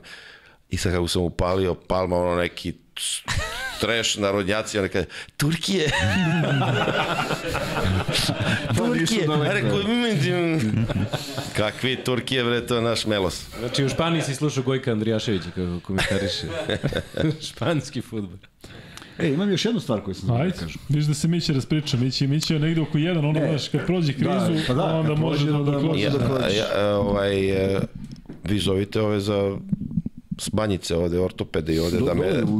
Ja, ja jedino, ili idem sa stolicom ovaj kući ili... Evo, odavde ide direktno u Renu, da. znači direktno na Partizan. A, desila se još pa ne mogu, moram po šulju. Desila se još jedna divna stvar, ovaj, a to je da je Meridian Bet, koji je sponsor Zvezde, ovaj, poklonio klubu košarkaša u kolicima jedan voucher sa jednim ozbiljnim iznosom i oni su ih pozdravili na polovremenu, to sam ja sve zabeležio je jadnim mojim telefonom da sve je bilo zamrljano, jer sam kao teo da zoomiram, ali još jedna dobra stvar za te momke da im daju ovaj, nova sredstva da bi mogli završati tu NLB ligu koja je u jeku. I ne znam koliko si pratio, ali bili smo u Partizanu i to je sve sad u nekoj proceduri, tako da verujem da će Partizan da se priključi. Ono kad, smo, kad si ti bio tu i kad smo mhm. pričali, pa smo pričali sa predsednikom Partizana, pa je to sad zaživelo i nadam se da će biti u nekom vremenu da eto dobijemo ta dva neka onako uh, rivaliteta koji će biti mnogo benigniji, ali će moći da. ljudi da se poistovete s njima. I eto jedan lep, jedna lep detalj gde su dva momka izašla u kolicima, pozdravljeni od strane navijača, dobili, Čirko kapitan, dobili su voucher i onako baš ovaj, napravili jedan, jedan dobar potez i Meridian Bet i Zvezda koja je to pokrila, tako da eto sve čestite da, za tako jednu dobru stvar.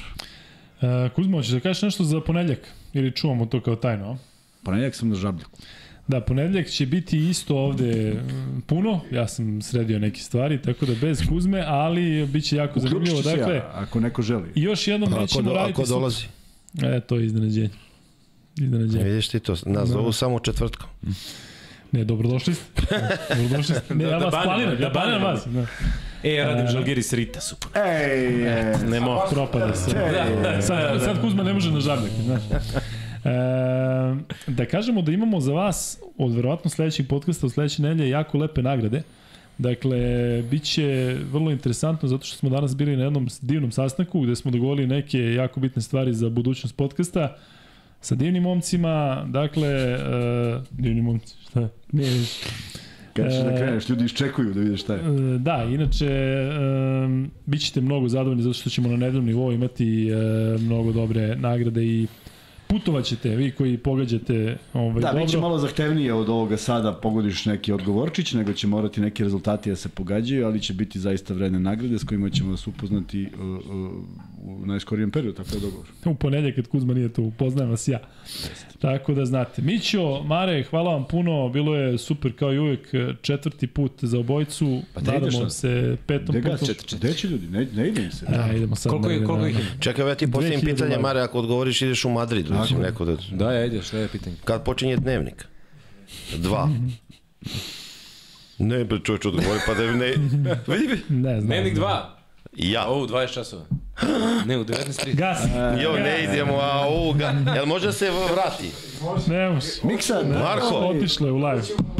Miksa, daj ovaj... E, e 19.30. Daj, daj one... A u 20 počinje serija. Jel imaš, ljudi. ja ti poslao Miksa ove tabele? Miće i Marija, ako I da posle me pitaj zašto nismo otišli u Madrid. Nema Madrid. Onda idemo u Barsu. Ja, vidiš ti. Kao nas jedini sigurno. Evo. E, ali ja da ne vidim, kamere? ne, ne vidim ja, mora čitaš, ne, nemam naočar. E, šta, ne vidiš ni vamo ni tamo? Pa tamo vi ne vidimo kamere. Kuku. E, Prve su koke nosilje. Koke Evo, nosilje. Mića, ćeš ti. Mića prvih top 10 timova u, Ajde, Miću. Aba ligi. Daj sve od sebe, ajde. Da čitam. Da, da, ovo levo. Koke nosilje štediša. Pa ne baš tako, ne sad o, štediša Znaš kako drugi. to nego- Kuzma čita? Nego kaže šali na drugom mestu, štediša. Ma, aj, Kako neće? neću. Marko, ajde Marko, ne, ali vidiš ovo? Ne vidim nije od kamere. Čekaj, vidim Marić tamo, ovo, evo ja ću Ajde. ovo levo, drdlovani treći, Drdlovani Babousaurus i četvrti, peti. Bukvalek planina. Ne vidim od kamere. Kuzma ne vidi ni na daleko, ni na... na Kampiones šesti. Sampioni. Mufloni sedmi, Iron Wolf osmi, deveti je moćni svedok i deseti imp Armatura. Ali moraš da kažeš ovako, Bukvalek su peti zahvaljujući prvom mestu u 25. kolu. E, sad, Aj sad, sad, Marko, Mar, nastavi. sad ti ovo desno. od, Da. od desno. Da. Bukvalek planina na prvom mestu. Koliko je nas... AK-47, 9, 1945. Štediša. Sa istim brojem bodova, tu kažeš, sa istim brojem A, bodova. da, da, ne, pa nisam gledao to. Samo boda više ima drdovlani ispred. A pazi, kao, kao ne vidi, znaš. Da sad ali sam ne vidim od kamere. Borac Nektar 8. Deveta je traktorka, deseta je Polimka i 57. 57 smo mi, 57 tek smo 57. podcasteri. Ali to je dobro. I ako Zato se misli da ovde kraj nije. To vam je jedna zajednička ekipa sa... 7400 timova. A jel imate neke donacije od koka nosilja? Kako da nema? može, Jaja, šalju sveže jaja. I farbu. I Ali farbu štediša dobijemo, imamo da, da. kintu. je. Da, da. Top 10 timova u NBA ligi. Prvi Bubanj Niš, verovali ne iz Niša. Pčelice druge, Možda i Kilijan treći, otkud mi znamo.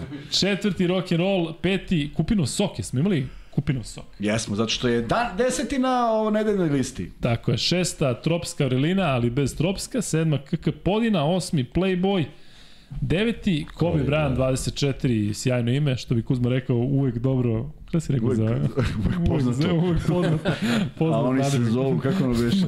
Dom, KK Ribnik Uvek 10. lepo, divno ime. I Luka i Kuzma 15. A Mari, šta kažu tamo s desne strane? Pak 6 ili Pak 6, a? Pa, G. A pak, šalim se. Ja mislim, ja mislim da mi sad raspravimo šta tu piše. Pak Jedno, dva. 6. Da razmislimo do Pak dva i ona. six. Da. Kobe Bryant 24 Aj treće, majke ti, aj treće. Gubi gule. Žigu Bigule. Ne, Zigu Bugule. To ti onaj što tako Žigu Bigule, znam. znaš, onaj burazer što priča. Po 218 imaju ti i Da, Kobe da. Bryant. A peti je Mbappe. Peti Mbappe. Četvrti Playboy. A šeste pčelice. Kukulele što je? MVP. Ovi su neki protivnici Jokića. Jel to znači MVP Embiid? Da. Da, da. Onda On- on- on Red da. Bulls, deveta Vrelina, deseti Kupinu, Sok, 12 Luka i Kuzma. Ajmo kući. Ne, ima još jedna tabela. Stvarno. I još jedna još dve. Još jedna. Top 10 nema još jedna, što nešto nije završeno. Top svijet. 10 timova u Euroligi. Twente 2 na prvom mjestu koliko ima bodova. Ipak ti vidiš ili znaš napamet. Pa ne vidimo kamere. čovječe. Još tamo. Twente 2, 5, 2, 6, 8. Drugi je RSB tim. Zahvaljujući četvrtom mestu u ovom kolu. Da. Ti ovo kući Ajde, spremaš. ajde sad, pa ne piše ovdje, piše s ove druge strane. KK Armani Montenegro. e, je Opa, oni treći. su novi na listi. Wildfield Max Bet. Ovo je isto relativno nova ekipa. Jeste, nismo imali njih. KK Pa dobro, Port. realno Armani iz Montenegra. Tako Da, je. normalno. Avijatičar. Avijatičari, Ryan Key, pa onda Vozli.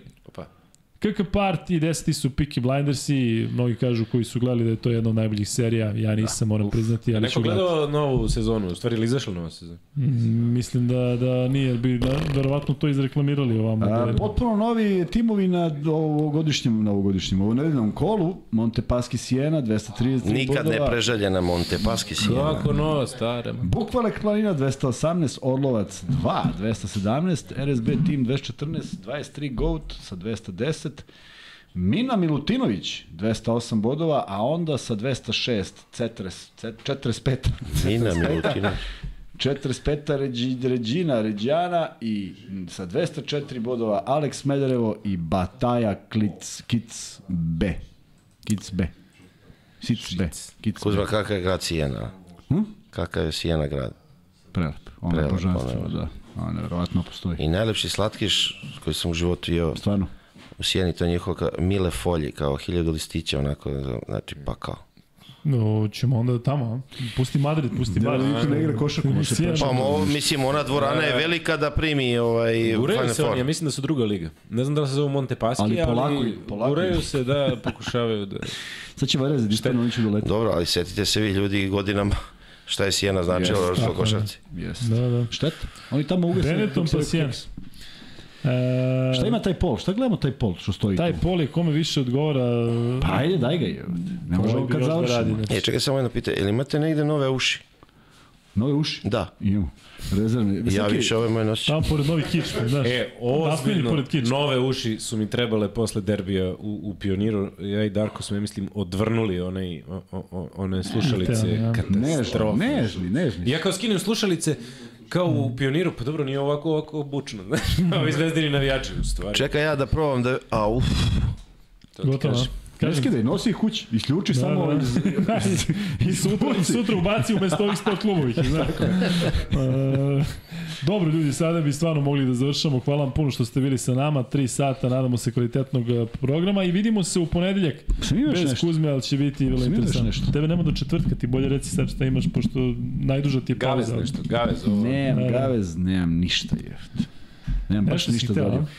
Hvala svima, uh, ovaj, uh, za, za, zaokružili smo još jednu sezonu, nevjerojatno, završena je sezona, uh, regularna sezona. A, mislim, nije se još. Kako, kome? Regularno, pa nećemo sutra. S- Sutra, sutra se da, sutra se odigraju to je A još gde si bio kad sam bio Niko?